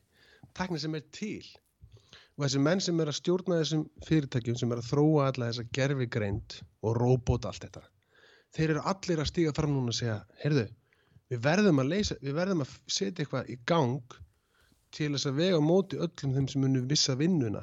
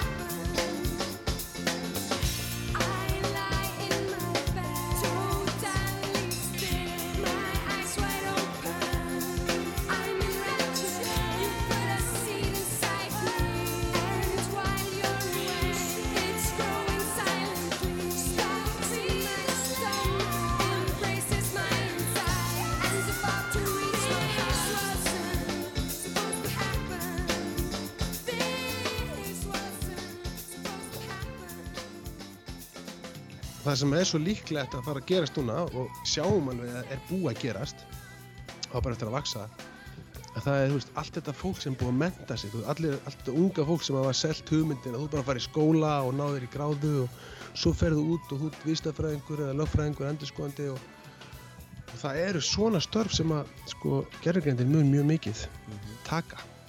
Og þá allt í hennu verðum við með rísastóra hópa af reyni, fólki sem búið að menta sig búið að kaupa sér íbúið eitthvað. Þeirra, og fær ekki vinnu. Og hvað gerist þá, veist, þá myndast akkurat grasrót fyrir að menn eins og Trump komast í valda. Og bara einhvers konar allsherjar sko róf í samfélaginu ef að stóri hópur er skilin eftir. Mhm. þannig að ég held að sko og við erum að tala um það, við erum að tala um svona Bill Gates til dæmis, stegu fram nýlega og sagði bara, ok, við erum að skatleggja fólk sem vinnur, við þurfum bara að skatleggja róbóta sjálfvirkni og hérna nota peningin til þess að búa til borgarlun Mm. og það eru rosalega margir sko svona vel metnir, neitt, vel, vel metnir hugsuðir að tala um þetta núna. Þannig að mér finnst þetta alveg rosalega mikilvæg hugmynd. Og ég held að þetta sé eitt af mikilvægasta sem við getum gert Og, og hugmyndin er þá að við fáum bara borgað einhver, einhverja, einhvers konar grunn framfæslu, bara fyrir að vera, vera til og getur þá annarkvort ákveðið að vinna eitthvað meira og þá. Hlýtur þetta líka þá bara að opna á alls konar alls konar sköpun, þá veist, frekar en að sitja heima atvinnulegs eða eitthvað, eða þú veist, þá er maður hérna komið með einhverju laun og tækja verið til að búa til eitthvað nýtt. Ég held það nefnilega og ég held að það er akkurat stóra málið í þessu sko að, að það er eins og oft talað um sko eins og bara atvinnleysisbóta kerfi þú veist, hefur leitt af sér mikla nýsköpun í listum og menningu þú veist, eins og hérna sko það, maður heyri suma sem eru á móti borgarlunum, þeir segja sko þú veist, hérna, að það verði alltaf til ný störf, það er alltaf þessi sko þessi ofurtrú á að það verði bara alltaf eitthvað nýtt fundið upp og eitthvað Mhm. nýtt verði til og kannski á, á bakveit er líka þessi hugmyndum að þú veist sumt fólk eru afætur og nennir ekki að vinna og sem að er einmitt ekki samkend og kærleikur. Heldur einhvers konar ótti þú veist, ég þarf að fá mitt og ég ætla ekki að leifa ykkur afætu að ég þetta allt frá mér. Á ég að borga það? á ég að borga ég, á ég að borga það. En, þú veist, Já, og þú meina þá frekar bara ganga út frá þessi, þessi samkend sem við erum að tala, bara ganga út frá það að fólk sé gott við göngum út af því að fólk sé gott veist, ég trúi því veist, persónlega, mér finnst það ég, ég hef sjálfur unni alls konar sjálf vinnu eða tekið þátt eins og í tólspora starf og svona ég hef aldrei sé mann sko vinna einlegt í sjálfun sér og verða verri veist. ég hef bara sé fólk verða betra það hefur sannfært með það að eðli allra er gott en fólk getur verið með einhvers konar skaða í sér sem Mhm. gera það að verkum að það verður algjör að skeppnur en þetta er bara svo mikið prinsipmál að ef við horfum á þetta eins og það er þetta með borgarlaunin þá gætur rauninni einfalda kerfið mjög mikið, þú tekur allar aðrar bætur úr sambandi. Mm -hmm. listamannalaun og öryrkjabætur allt þetta fer bara. Og það er bara ein grunnframfærsla sem allir fá, líka þessi ríku. Akkurat er algjörlega réttlátt yfir alla. Og þá er rauninni samfélagi segir, veist, við ætlum ekki að skilja neitt eftir. Og þá einmitt kemur kannski okkur þetta líka að maður þarf að hafa trú á því að kannski er bara sem að ég trúi einlæglega að engum heilbriðu manni langar liggja bara heima og gera ekki neitt mm -hmm. ég bara fundið þetta þess að maður fer í frí eða eitthvað bara flestir sem ég þekki, maður fer í frí og þá fer fólk að pæla í ykkur um hugmyndum eða kemur eitthvað mm Mhm. en við stóra meini í okkar samfélagi þetta er stress Vist, við erum með svo mikla sjúkdóminn sem eru tengd í stressi. Allt ungt fólk sem er að byrja að búa og eignast börn er alveg yfir stressa það má ekki missa einn mánu vinnu. Það var allt komið steik. Allt yfir þanið. Mhm. og hvað getur gestaltin ef það er komin öryggislína? Þannig að allir geta svona aðeins slaka á. Jú, það er alltaf mjög ógnugjöndi fyrir atvinnulífið því að þá allir getur fólk bara að fara að hætta að vinna í einhverjum ömulugum störfum skilur Já. sem er illa borguð og, og illa komið fram með fólk vissulega þeir atvinnureikundir myndu þurfa aðeins að gera því brók og, Mhm. og hugsa málinu upp á nýtt sem að ég held að sé bara gott. En aðeins þessari, aðeins að þessari sjálfvirkni sem þú talar um, já, um hversu svona hversu vítak heldur að hún verði bara á, á næstu áratugum? Ef við tökum bara, veist næstu 30 ár.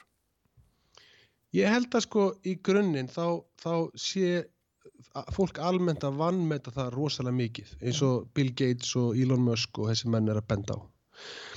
Ég held að almennt séð kannski almenningur hugsar þegar þeir tala um róbot og svona þá hugsa fólk já ok, það er verkamannastörfin sem er að fara. Þú Veist, það eru hérna vera að hlaða í trukka eða vera, skilur það er einhverju liftarar sem að keira um í IKEA eitthvað og veist, flytja rúm og, og kassa fram og tilbaka og en sko veist, við erum að tala um miklu meira, við erum að tala um lögfræði. Veist, það, það menn eru komin sérstaklega í ennsku mældi löndum, þú veist, bara gerfi greindar algoritmi sem að geti sko unnið óbúslega mikið að þeirri rannsóknarvinnu og svona að finna tengd mál og Akkurat, finna svipumál og sem er bara flett, flett upp í gögnum eða skilur og bara finna samlíkja líkindi á milli mála sem er bara emmitt, sem er bara flett upp í gögnum og geta hafa nógu mikla grein til að finna eitthvað svipa uh, sjálfkeirandi bílar eru nú þegar keirandi í bandaríkjónum í borgum eins og San Francisco og svona, er bara veist, fyrirtæki eins og Tesla og Google og, og hérna, Uber eru öll bara komin með bíla sem eru að virka. Veist, hvað eru margir bílstjórar hérna? Svo eru við líka eins og endurskoðun bókald mm nám þú veist, ég veit ekki veist, í rauninni er ekkert langt í að það verði hægt að verði miklu skilvirkar er að börn læra á sínum hraða bara með hugbúnaði sem þau tala við. Og svo sé bara einn og einn kennari sem hafa yfirsinn, eða skiljið, þú veist, þetta á eftir að ná í miklu fleiri störf heldur en maður svona kannski hugsa sér fyrstur. En þá serðu fyrir kannski að hluta til að þessar vélar, uh, þessi sjálfvirknu öll muni ja, skapa verðmættin Ég sko, það sem og, að og það sé að, að um- að skatleggja þau fyrirtæki sem, að, sem að nýta þessa tækni og Já, þetta- greiða fólki í framfærslu. Hvað? Nákvæmlega sko. Já. Að því nefnilega, ég hef verið svo upptíkin þessu í nokkur ár. Sko. Hver mun eiga róbotana? Mhm. Mhm. Að því eins og þetta lítur út í dag, þá munu þeir sem að eiga peninga vera í aðstöðu til að kaupa róbota. Þannig að þeir munu vera í aðstöðu til þess að, þú veist, komast í stöðu sem engin annar kemst í. Bara, þú veist, kannski útgerða fyrirtæki getur bara fjárfest meira og meira og meira í róbotum, þannig að þau eru bara meira og meira orðin sjálfvirk. Mhm. og, og hérna og þá er spurning, ef einhver einstaklingar eiga fyrirtæki sem fjárfesta í öllum þessum róbótum, þá eru þeir að fara að taka allan hagnaðin í rauninni ég var með þess að hugsa um að gera plötu sem myndi heita hver mun eiga róbótana en vinir mínir þeir rálega verið að gera það ekki. Það var alltaf, alltaf flókið mál til þess að taka fyrir í plötu. En hérna en það er bara rauninni grundvallar atrið að þú veist, að því að ef maður pælir í því þá erum við rauninni, ef við höldum rétt á spöðunum þá erum við að sigla í útópíu. Mm -hmm. þar sem að öll þessi tækni verður okkur til góðs. Tekur raunni störfin, leiðilegu störfin og fólk getur verið eftir, slakað á og fundið upp eitthvað nýtt, eitthvað geggjað veist. farið til Mars eða, eða, eða laga hluti hérna á jörðinni, bara allt þetta skilur og, en ef að við látum þetta halda svona áfram og róbótar verða bara vatna á millu skilur miskiptingu það er bara mjög hættulegt Einmitt. það er bara kjör aðstæði fyrir svona líðskurumara eins og Trump og, og fleiri Mhm. og það hann að verra sko. Akkurat, Jónas Sigursson, Takk fyrir þetta, Kjella, þetta takk var mjög, takk mjög fyrir gott. þessa hugmynd í púkið. Þú leggur til borgarlögin, þú leggur til borgarlögin, þú leggur til að allir fái e, framfærslu og engi Já. skilin út undan. Og það uh, engin lýsir, skilin eftir. Já, engi skilin eftir. Þetta, og við, og, og þú, þú talar um kærleikan og þú sagði meira sér orðið útópía. akkurat, Þann, þannig að þetta, er, þetta hljómar fallega. æðislegt maður. Takk fyrir að fá að deila þessu með ykkur og, og, og, þau- bara hlustendunum hlustendum, Takk fyrir þetta Jónas Sigursson stættur á Spáni. Talar við Einmitt. í, í gegnum Skype og það er nú aldrei tækni sem er að að hjálpa okkur. Heldur betur. sjáu það. Uh, bara kæra þakkir og bestu kveður til þín og, og finna, takk kærlega, það var gott, blessaður sumulegis, bless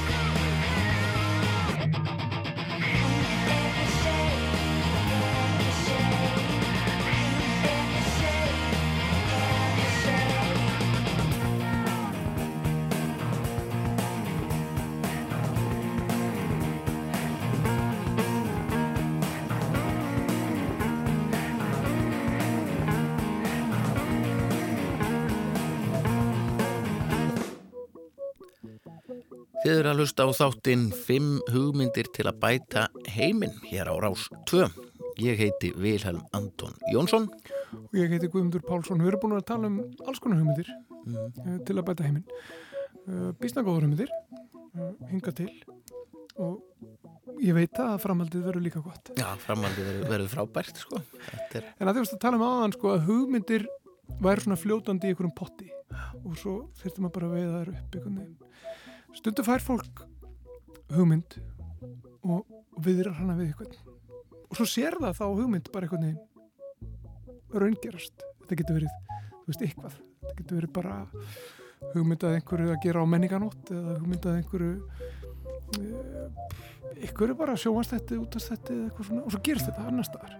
Þá er einhver annar sko veitt já, hugmyndinu. me- já, en þú hugsa kannski, ah, ég hefði gett að segja frá hugmyndinni já, svo lendum maður því. Við vinnum báðir í Mhm. heimi við þetta, að fá hugmyndir og rinda þeim í framkvæmd, hvort sem það eru Mhm, lög eða bækur eða útvastættir eða, mhm, eða mm, hvað sem er eða, vunnið á auglýsingastofu við hugmynda smíði. einmitt. en þetta er ekki endilega sko að því að hugmyndir manns hafi lekið út sko. Nei, þetta er bara, sko- já, hugmyndir þar eru það ef, ef við, og ef við spilum þetta alveg ískalt þá er ekkert hugmyndir í neinum potti því það er engin pottur og hvaðan fær maður hugmyndir það er kvikna úr umhverfinu. Já, og allir sem eru í svipuðum aðstæðum eða umhverfi eru að svona einhvern veginn að púsla saman svipaðri hugmynd hafið þeir þannig bakgrunn sko. og hvað heldur að margir hugsa bara hérna, heyrðu, ég er að fá geggjað hugmynd að appi. Já, flestir, ég held að flestir bara hafi ég vil að það finna upp app sem að tengir fólk saman á stefnumót. Geggjuð hugmynd. Ég var að fá þess að geðvika hugmynd. Svo byrjar bara að vinna í þessari hugmynd tveim vikur senna, kemur Tinder. Og bara, ah, en ég fekk þessa hugmynd. En þá voru kannski 800 sem að fengu þessa alveg pottið sko. og svo Já. er þetta nefnilega í, í hvaða stöðu ertu til að rinda hugmyndinni í framkvæmt Mhm. og hvar, hvernig byrjar að vinna mögulega hefur einhver fengið þessu hugmynd. Heyrðu, þetta er hérna alveg frábær hugmynd. App sem tengir fólk saman. Og hefur kannski eitt nokkrum mánuðum í að hanna eitthvað logo. Já, já, í staðin fyrir að byrja á grunninu sem skiptir mála því að mér fullir virðingu fyrir logoun eða merkin eða skilur hvað ég meina, já, þú byrjar svona að færa hugmynd á húsi og byrjar á þakkinu Svo- Mm, það er ekki góð hugmynd. Það er alls ekki góð hugmynd sko. það er, myndi ekki komast í þennan þátt. Ég er fá hugmynd. Mín hugmynd er að byggja hús og byrja það Akkur byrjar ekki efist því að þingdakrafturinn tógar húsið niður. Akkur er alltaf að vinna móti þingdakrafturinn þegar við byggjum blokkir? Fáránlegt sko. Þetta er ekki góð hugmynd. Alls ekki, alls ekki. Nei, og, þetta, og hugmyndir eru merkir og líka hvenar við fáum hugmyndir af því að segir, þú þegar ef maður vinnur við þetta þetta er runni eina Jú, jú. vinnan sem ég hef unnið við alla ef er eitthvað svona þessu tengt já. og þá fer maður að verða uh, meðvitaður um það hvenar maður fær góðar hugmyndur og það eru held ég, og ég, eða ég held það ekkert ég, ég veit að það eru þrýr staðir eða þrjár aðstæður og nú er ég þetta bara að tala fyrir mig en ég ætla samt að Mm. alhæfa yfir allan heimina þegar við erum með hugmyndir Já. til að breyta heiminum, ekkert í jörðinu eða samfélaginu neitt, það var bara heimurinn undir er rétt ára hún sopnar, það þekki það allir rétt ára hún sopnar ferði í eitthvað ástand, þá færðu hugmynd allar að munana morgunin eftir svo Akkurat. mannst ekki einu sinni morgunin eftir að þú hafi fengið frábæra hugmynd kvöldið aður Mhm. á klósettinu alveg síkild þú Mm. sest á klósettið þá getur maður, nú lætur maður hugan reyka mögulega just að því gefnu að allt gangi eðlilega þar og Já. er ekki að hafa áhyggjur af, af því ferli. Einmitt.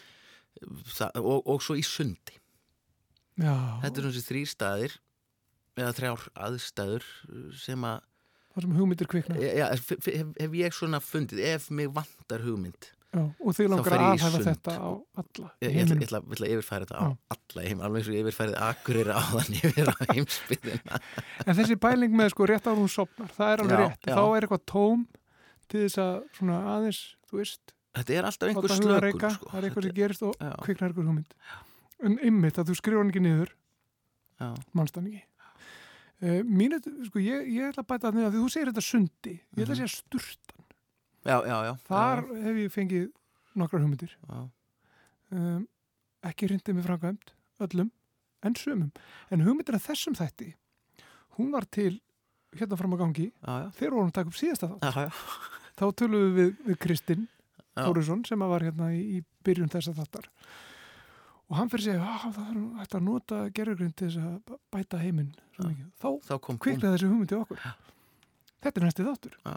þannig að og nú erum við hér að gera. Nú erum við hér að gera. En að því þú varst einmitt að tala um sko klósettið sem er svona greiðar staður til það það er síðasta. Það, það er bara þannig. Það er eitthvað síðasta víð það sem er farið að trubla marga er fólk fer bara á Facebook. Já, já, og fær engar hugmyndir að þið er á Facebook. Já. Eða það er eitthvað, eða Tinder. Er tindir, Eitthvað. og hérna, eða Twitter eða eða leik. Ætli stór í einhverjum leik. ætli stór hluti af stöðuppfærslum á Facebook séu rauninni settar inn af fólki sem sittur á klósitun margar. meiri hlutin, allir sem setja inn einhvern status er að gera það á klósitun minnstakosti stór partur sko. ég, ég held að það sé alveg auðlust en það sem ég er að pæla núna er erum við að verða af, erum við að missa af rosalega mörgum hugmyndum af því við erum alltaf að sko, skoða síman og eitthvað svona. Mm sko, ég var í útlöndum fyrir nokkrum mánuðin síðan og það var svona markaður. Og á þessum markaður voru svona hann er þekktu fyrir það að það er svona mjög svona þeir, þeir, þeir eru með svolítið svona það sem er kallað hard sell sko. þeir, þeir, þeir sækja þig. Þeir eru mjög ítnir og þeir sína þér og láta þau koma við og finna og hvað er hérna, hvað er hérna, ég með þetta hérna. Og vantar þið ekki svona tösku? Bara, nei, vantar ekki tösku, bara, jú, hvað er samt inn hérna fáðu þið te, það sína þess að tösku. En í einu bara kupir tösku. Þannig er þetta. En, en sko það sem að maður, ég tók eftir þarna var að sölumenninir, þeir eru allir á Facebook og þarna streymdu kúnarnir framhjá Já, og þeir voru of upptegni við að bara læka eitthvað já.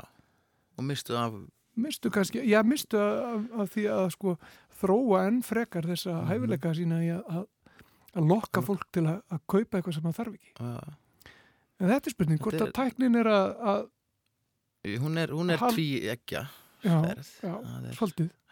Þetta, Kans, kannski þurfum við með tómið sko, þurfum við næðið. já, en svo hefur hún náttúrulega gert okkur klift að gera ótrúlustu hluti. Sem, sem að og ég, ég mun aldrei tala illa um eins og fólk er eitthvað að segja svona, það er allt á internetun og það er vondust það er bara eins og að tala illa um uh, postþjónustu Mm það er ekkit postin um að kenna að þú pantir er eitthvað drasl. Það er bara alfærið þér að kenna. Einmitt. og veist, ábyrðin lítur alltaf að liggja hjá okkur það fer ekkit þarna inn sem fólk vill ekki sjá Mm og finnist okkur internetið allt galið þá segir það bara talsverð til um notenda hóp já. eða, eða vefsins ef við ætlum að segja þetta alltaf rétt eða Facebook bara, ætla að hafa þetta alveg rétt sko. Mhm.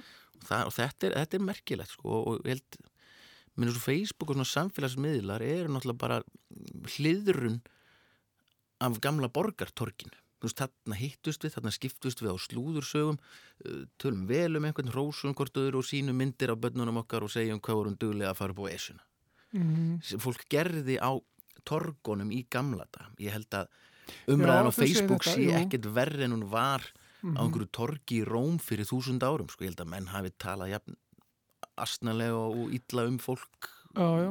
þá og það gerir í dag. Og þetta sjáðu ég fór á esinu. Já, já, sjáðu mig. það er svolítið svona, sko. Það er einmitt sko, sumstaðar er, er það einmitt þannig að sko, að það er ennþá þannig, til dæmis á Ítalju, sunnarlega á Ítalju, að þar hittist fólk á torginu, sko, það fer í fínu fötin sín á kvöldum og spássirar Það sjálfsög. og sýnir nýju leðaskóna sína og nýja trefilinn og er með börnin og þau eru prúðbúin og allir er leiðin út að borða eitthvað Lýsa útópiskum heimi fyrir mér. sko. og þe- þetta er, að- þú veist, þetta er þannig sko, sjáðu, Já. ég, ég á nú hérna þessa leður sko þetta er kannski rétt þér, þetta með torgið sko Já, ég held sér náttúrulega ástæðan fyrir þetta gekk er að því að við þekktum þetta. Já. Það var engin bylting. Það Já. var bara svona rögrétt framhald. Já, en það sem þú sleppur við á torginu, það, já, kannski ekki. Uh, auglýsingarnar, þær voru líka á. Já, kannski. ég meina auglýsingar eru það sem fólk er. Já, Það, já. er koma til þín. Þú þarft ekki að hafa áhyggjur af því. Mhm. Þú þarft ekki að bera þig eftir, bera þig eftir auglýsingar. Það er klaufaleg stefna ef að þú ert að bera þig eftir auglýsingunni, sko. Já, kannski minna af auglýsingum, jú, jú, svo sem. Já. En af því að þú, Nei, nú voru ekki bara menna öskra þar í staðinn. jú, ég held það, sko. Tómatar, tómatar, tómatar, akkurat, og tómatar. eru enn, og Já, eru enn. jú, það er bara þannig. En, að þú myndist á, á póstin á þann, Mhm. það er svolítið skemmtileg hugmynd eh, sem við heyrum hérna á eftir. Það sem að póstur kemur svo.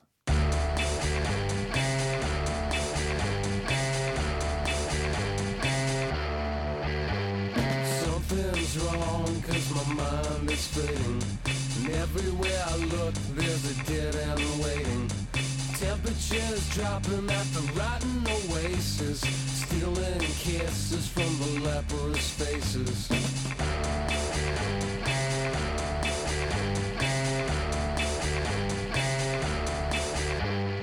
Heads are hanging from the garbage man trees.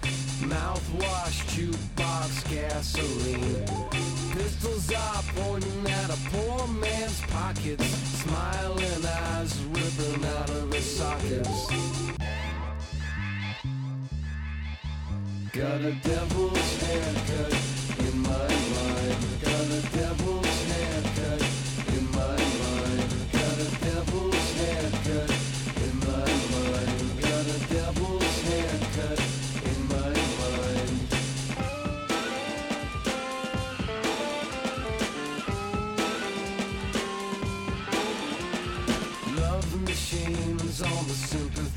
crutches. Discount orgies on the dropout buses. Hitching a ride with the bleeding noses. Coming to town with the briefcase blues. Got a devil's haircut in my mind. Got a devil's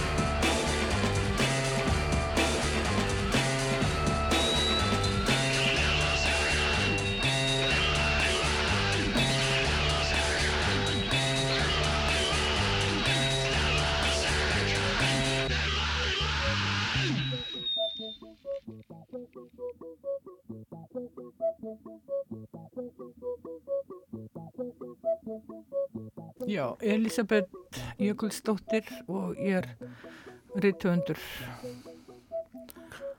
Við ætlum að byggja þig, Elisabeth, um að segja okkur frá hugmynd uh, til að bæta heiminn. Já, bara núna strax. Já, Þú mátt segja eitthvað annað fyrst ef þú vilt spjalla eitthvað um eitthvað en á, þessi, á einhverjum tíumpunkti væri gaman að fá hugmyndina Heyrðu, ég ætla samt bara að byrja á henni og uh, ég myndi breyta heiminum með pósthúsi. Nú eru pósthús að leggjast af og mér skilst að þetta sé einn elsta aðferð mannsins til að ná sambandi og koma skilabóðum áleiðis. Það sé að skrifa bref og uh, heima hjá mér eru svona alveg bunkar af brefum og ég var svakalegu brefritari og uh, alltaf þegar maður fekk bref svona handskrifað með frímerki og kannski frá mömmu sko frá Bangladesh og Ástrali og svona. Og eða bara frá vinkonu sinni eða maður skrifaði bref í sveitinni. Og þetta voru einhvern veginn svona bara eins og gjafir eða litla bækur og, og uh, svo hefur þetta bara lagst af. Og sko við höfum tilneingu til að hnekslast vola mikið ef að eitthvað leggst af sko fortíðinni en ég, það getur vel verið að þetta hafi verið áþján og uh, það vant að endun í að brefaformið og uh, ég hallast að því að þetta, það þýðir ekki að vera að skamma okkur, já því skrifir bara engin bref lengur og það er bara posthús þau eru bara að breytast í selgeti sjoppur og eitthvað svona sko. En við hefum alltaf að trýta okkur með svona ást og kærleika og ég held að væri sniðugt. Langar að hafa þetta þannig heima hjá mér og það stendur núna til að þjarma að húsinu mínu og, og deiliskypulega Reykjavíkuborgar það er bara að vera hótel og luxusýbúðir við þetta gamla slömm hverfi þarna. Alltaf að blanda hlutum saman en þetta er, lítur ekkit vel út. Þannig að ég voru sem að stopna pósthús að því mér er alltaf langað til að kenna börnum að skrifa bref en líka út af því að dagur B getur þá ekki hérna rifi pósthús barna þú veist, það var, hann myndi ekki láta hann lúka vel eins og maður segir okkur úr íslensku. Þannig að mér langa, ég er búin að fá ég er búin að vera í samstarfi við post, það er pósthús fyrir aftan mig og þar eru póstanir og þeir kusum allir sem fósita og hérna þeir ætla að gefa mér fullt af hillum þú veist, þannig að sé þetta sortira sko, það er svo gaman. Blöndós, kópasker amma þú veist. Já, sér hilla fyrir Sér Nei, og það er því bara, sko, það sem er bara við brefaskriftir, það er bara að hafa þetta stutt og ákveða kannski ástabref eða fríðabref eða þakkabref. Þakkabref er bara mjög fínt. Takk fyrir að fá í þáttinn, ef ekki að hittast á Östuvelli 17. júni, skilu, búa til eitthvað svona samband eitthvað, og, og hérna hafa þetta bara stutt. Brefsefni, falli brefsefni, skreita það, teikna það Og svo er eitt sem að var alltaf vesen og það var hvar ámaður að kaupa frímerki og umslög. Sérstaklega frímerki, sko. Þannig að þetta er einhvern veginn, það þurft að leysa það. Ég er ekki alveg, kunni þeir einhver ráð með frímerki? Nei, ég veit ekki sko, nú er þetta orðið náttúrulega bara svona einhverju stimplar voða mikið sko, en Já. það er ennþá gefin út frímerki. Jú, jú, jú, jú. Um, það er þetta að kaupa þau á pósthúsum, Já, sannlega. já. Um, sumstaðar í Európa til dæmis þá þarf maður að fara í tóbaksbúðina til Já. að kaupa pósthús, hér er eitthvað tóbaksbúður náttúrulega. Já, það þurfti að vera frímerki á sem flestum stöðum, en svo kannski á pósthúsinu þá þurfti að vera svona frímerkja altari og væri svona frímerkja englar og passa frímerkin og, og fólk geti búið til sín frímerki og allavegana eða, með stimplinum. En ég get sagt ykkur eitt að hvað, að, sem, svo þið viti bara ég hef rétt fyrir mér og, og þetta hérna að ég alltaf einhvern veginn verið hrifin af postinu, hvernig hann lappar um með bref og sem hægt er að opna, þau eru lokuð, það er að opna þau. Og, uh, og ég get sagt ykkur það að ég heyrði þá sögu að á pósthúsum að þið eru kannski hérna 5-6 póstar á einu pósthúsi og það kemur svona romantist bref, svona handskrifa bref Sigurður og Grettskutu 89 eitthvað 101 Reykjavík og, og hérna frá ástinni þinni, Mm. henni Aha. Helgu á barásti. Og svo aftan á að skrifa Já, sko. aftan á sko. Já. Þá sapnast allir saman á pósthúsinu með, þetta er eins og dýrgripur eða demantur og sjáu hérna er romantík og við höfum þess að þörf fyrir romantík. Það reykir mig á bara eins og með dauðan að ég skrifaði dauðaljóð fyrir tíu árum og þau falli ekki alveg í krami að þau eru ekki romantísk að við höfum þess að þörf fyrir romantík og gott að blanda dauðanu svona aðeins inn í þetta. Hann er nú alltaf, er og alltaf, Já, já. alltaf í Alltaf já, já. en, en þetta, ég held að þetta gæti breytt heiminum og og hérna, þetta sé bara svona skemmtibref og svo kannski ef maður nenni ekki að skrifa brefið þá getur maður kuðlaði svona saman og getur maður kuðlaði saman bara og, og, og senda inn í umslæði líka eða hendi bara, þú veist og, Já. og eða rífi það og send bara rífi bref og þetta sé ekki svona alvarlegt Já. maður getur kuðlað og rifið og, send bara fullt af kossum svona með varalit og Mhm. þeim finnst gaman að setja á sig varalit og gefa mm, kiss, kiss, kiss Já. þú veist, það, er- þú veist, bara En sérðu þá fyrir þér að pósthúsið þitt að, að krakkar séu þar að skrifa brefin eða það þá Já. að koma þau með Já. brefin, þetta er bara pósthús, pósthús, já, ekki rit já, þetta væri bæði sko, í einu já. herbyggi þetta skrifa og í öðru herbyggi er þetta svo bara að senda þau. Já. og, En og, maður leysist, leysist þá ekki bara þetta frímerkja vandamál sjálf, ertu ekki bara með frímerki þarna og jú, þá það er vandamál? Já, það er hvort sem er að koma með brefið þangað. Já, já, En Mér finnst þér sko, náttúrulega ástæðan fyrir því að fólk sendir ekki bref já, er að stóru hluta svo að það eru aðri samskipta möguleikar, já, já, hraðari. Eh, fólk talar í síma, fólk sendir SMS já, já, uh, tölvupóst náttúrulega. Uh, það er vantan ástæðan fyrir að fólk er hægt að skrifa bref en, Já, en, já. en með því með þessari breytingu þessum svona öru samskiptum finnst þér þá að hafa sko uh, intakið hafa breyst að sama skapi? Að í, í, í þeim samskiptum skilur hvað ég menna já, sko, ég hafði kennara, ég fór til hérna í háskóla á Írlandi og hann sagði, lesandur er orðin svo klár, hann þarf ekki nema eina línu þá er hann búin að ná þessu, það þarf ekki þess að tíu línur, sko. Það er bara, við erum orðin svo góði í lestri. Og, og það er líka, sko, hvað erum við að lesa, erum að lesa í það sem að, að við segjum, ekki bara lesa orðin bókstarlega, heldur, heldur, hvað eru við að, þegar einhver segir hérna, eins og vinnum minn saði þegar ég voru til Stokkólmi og mér langar að fara til Uppsala, heims ekki annað vinn og hann sagði, you make me sad, þú gerir mig leiðan. Og ég bara, ég get ekki gert þið leiðan, þú gerir þið sjálfur leiðan. Og þetta er bara því ég er svo góð að lesa, ég læri þetta í bara Alanon og A-samtökunum að að lesa, þú veist, allir þessi, og ég gerir þetta örgulega sjálf, sko, þannig að lestur er ekki bara, en Nei, ég held að sko þetta er bara svona núna, við höfum svona tilningu alltaf að nextlast á hlutunum, dæma fortíðina, óttast framtíðina, dæma alla þessa samfélagsmiðla en þeir eru náttúrulega bara frábærir og það verður til nýtt form og svo förum við aftur þangað og aftur hingað og, og hérna, en mér finnst bara alveg vel þess virða aðtuga til dæmis að kenna krökkum að skrifa bref. Ég hef verið ásaldið að barnabönnum og þau hafa verið að hjálpa mér og þau kannski vita ekki hvar frímerki á að vera, hvar á að skrifa utan á.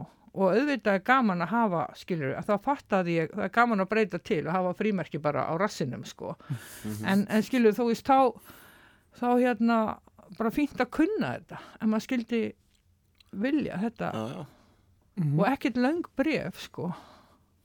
Já, eins og getur akkurat eins og þú segir sko, það er svona farmurinn sem skiptir máli frekar en farartækið sem hafa á reynu sinni sendi bref og núna kannski tölvupóstar eða snapp eða, eða, eða hvað já, sem er. Já, já, og mögulega líka núna er sendur við svo mikið að kannski ristir þetta aðeins grinnra hvert orð er ekki jafn dýrmætt þegar maður þarf einhvern veginn ekki að handskrifa það sko, það bara skrifa maður rætt og illa og sendir eitthvað. Og ég er að velta fyrir mig núna eftir 100-200 ár þegar fordlega fræðingar fara eitthvað svona grúska í okkar málum að því að þegar við lesum bref frá Jónasi Hallgrímsinni þá var það allt svona eða, með hlutin svaka meitlað og djúpar pælingar. Já, já, Hún er að byggja úr 90% af póstum sem háskólarektor sendir á vina sína og okkar fremstu skáldegi og hittast hérna kikki keilu. Já, já, Ei, þú veist, kemst ekki fössari í dagstrákar ha, ha, eða þú veist, já, já. stelpur kikki, þú veist nú svo verður til allt og mikið upplýsingum um okkur sem að gerir okkur ekki eins töff og Jónas Hallgrímsson sem er náttúrulega versta sem að versta hlutskipti sem hann okkur getur óskil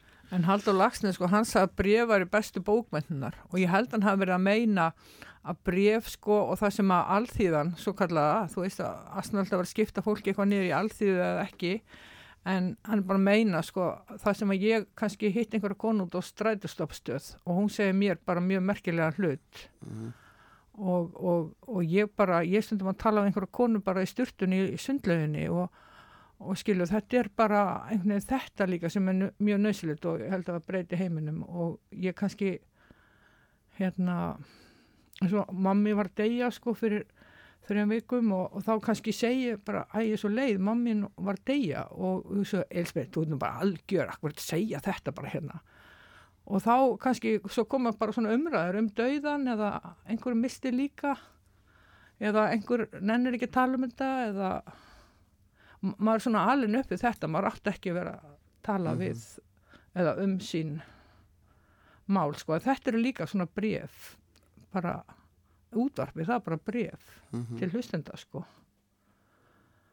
Og, og ég, ef mér talandi um ömmu, sko, þá fekk ég alveg miljón kveðjur á Facebook, ég hef ekki getað svarað ég var alltaf að lesi, það er svo margar.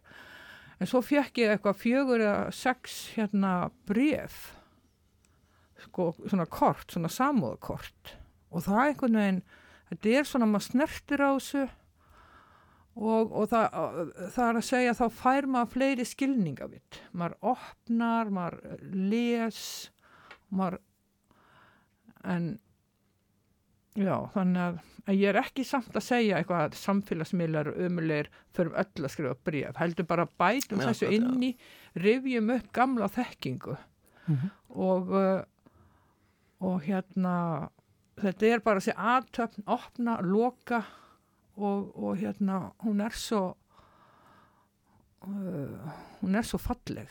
En ég veit að svo missi maður þólið svolítið, þú veist, maður er bara já, og svo maður þarf hvernig á maður að fá þetta þól aftur? Þannig að maður sé ekki að fara einhvern veginn í fortíðina skiljiði, bara hvernig að fá þólið til að ó, ég þarf að kaupa frímerki og, er umslög og æ, já, heyrðu æ, það er best ég sendi bara e-mail eða komment á Facebook sko. Og, og það er líka ég hef gengið svolítið endur niður lífdaga með því að skrifa á Facebook. Ef ekki bara hætta að posta svona.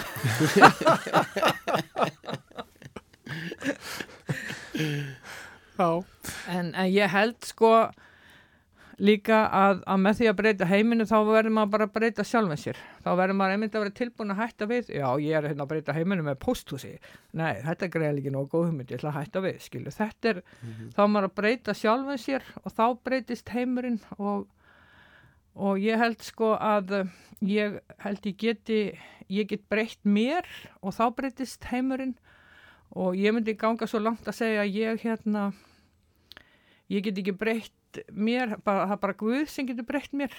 Og þá alveg Guð, ok, byrjar hún að tala um Guð. Og en þú veist þá er ég bara að tala um aðri mátt. Eins og dauðan sko að hann breytir manni og mamma deyr og maður þú veist, þú verður að fara að gera eitthvað nýtt. Eða ástinn, einhver kemur inn í límas, býr til nýtt pláss nýtt hólf og maður breytist. Og ef maður allar ekki breytast þá bara virkar þetta ekki sko Mhm. og maður eignast börn, maður fyrir skóla. Og, og svo náttúrulega alveg til að ég byrja að breyta svona fyrir alvöru, ég myndi fór í Alanón og A-samtökin og var etru og annars var ég bara mjög fórhertur persónuleiki sem að hafði það að markmiði að geta geta, þú veist, orðið mér út um einhver vímuefni og og, uh, og það var náttúrulega bara að drepa mig. Þannig að þá fer ég og finn einhverja breytingu. Þannig að þá einhvern veginn læri ég þetta að að því ég var, bara þegar ég var 21 ás þá var ég alveg viss um það þá vektist ég á geði mitt út af sorg, að því ég gati ekki tjáð sorgina þannig að sorgin fór bara inn í geðviki eða þannig sé ég það. Og, og hérna þá er ég viss um það að Guð hefði valið mig til að breyta heiminum. Og bara ég lappaði mánuð bara um allan bæinn bara og, og fann bara svona brennandi heila stöðvar sko, hvernig Guð hafi valið mig og ég vissi að vísu voru lítið hvernig ætti að breyta heiminu sko, þannig að ég svolítið spældi bara Guð myndi segja mér upp jobbinu sko. Nei, þú veist, og þá, þannig að ég hef alltaf verið voða varbergi ef að ég að aðri alltaf fara að breyta heiminu og bara, ups, ertu gjöðugur? Nei, og svo byrðum við þig um að koma líka til að segja hvernig þú getur breytt heiminum. Já. En hugmyndin er þessi, en það er ekki verið að vera gjöðugur, þú veist, það Nei. er svo allavegana. já, en, uh, En hugmyndin er hugmyndin þessi. posthús og ég er búin að skrifa utan á húsið mitt, hús, Mhm. þannig að það er ekki mikið mál Nei, nei. að breyta því. En, en, en er nóg að skrifa póstús, þá ertu, er það þá orðið póstús, eða þú veist, er, er það, væri það uh, ykkur svona, eða er það bara fyrsta skrefið, sko? Ef það heitir póstús, Já, er það þá póstús? Eða þarf það að vera með hillunar líka? Já, við verðum náttúrulega að vera með hillunar, sko, það er mjög spes og, og hérna, já, en svo kannski þarf ég að tala með postmestara ríkisins eða eitthvað svo liðis Mm eða hafa hest fyrir utan, svona hestvagn, svona postvagn. og lúður þá líka Já, lúður, auðvitað. Lúður Já, lúður, já, það er alltaf mjög mikilvægt. lúður og postvagn og uh, svo Og- myndi ég náttúrulega bjóða bara þeim þarna fósitanum og, og, uh, og DIB og er enga konur er engin kona fósiti núna? Ekki forseti, sko? Nei, Elísu, bjóða alþingis. Elísu. Forseti alþingis, er kona? ég myndi bara bjóða Elísu. Já, þetta er sem er góð hugmynd, mér finnst það falleg. Já. já, Ég, og svo held ég nefnilega, svo er eitt sem að kemma með hugmynd og eins og ég er búin að vera að útlista hérna og svo koma krakkarnir og þau bara gera allt öðruvísi og allt í hafa loft og þau bara gerir svo þeim síni skilur og þau eru svo kreatív og, og einhvern veginn þannig að þau munu bara breyta þessu öllu og breyta heiminum og, og ég er svona rétt hei, glimti frímerkir Við segjum þetta gott, Elisabeth Jökulsdóttir. Takk fyrir að að deila með okkur þinni hugmynd til að Já. bæta heiminn. Já, takk Já, þá erum við búin að heyra í allar þessar fimm hugmyndir til að bæta heiminn. Og uh, já, við höfum nú ekki komið að tómum kofanum hjá viðmælundum okkar. Þennan daginn, það er nokkuð ljóst. Fullt af góðum hugmyndum. Ég heiti Guðmundur Pálsson. Og ég heiti Vilhelm Anton Jónsson. Takk kærlega fyrir að taka ykkur tíma í að hlusta á þessar fimm frábæru hugmyndir sem myndu svo sannlega bæta heiminn ef þeim er þið hrind í framkvæmt. Við heyrum stúanandi aftur, kannski á næsta rauða hátíðis frídegi, það er svona, það er vaninn. Hver veit, hafa það gott. Þóka til næst. Heyrum síðar. Bless.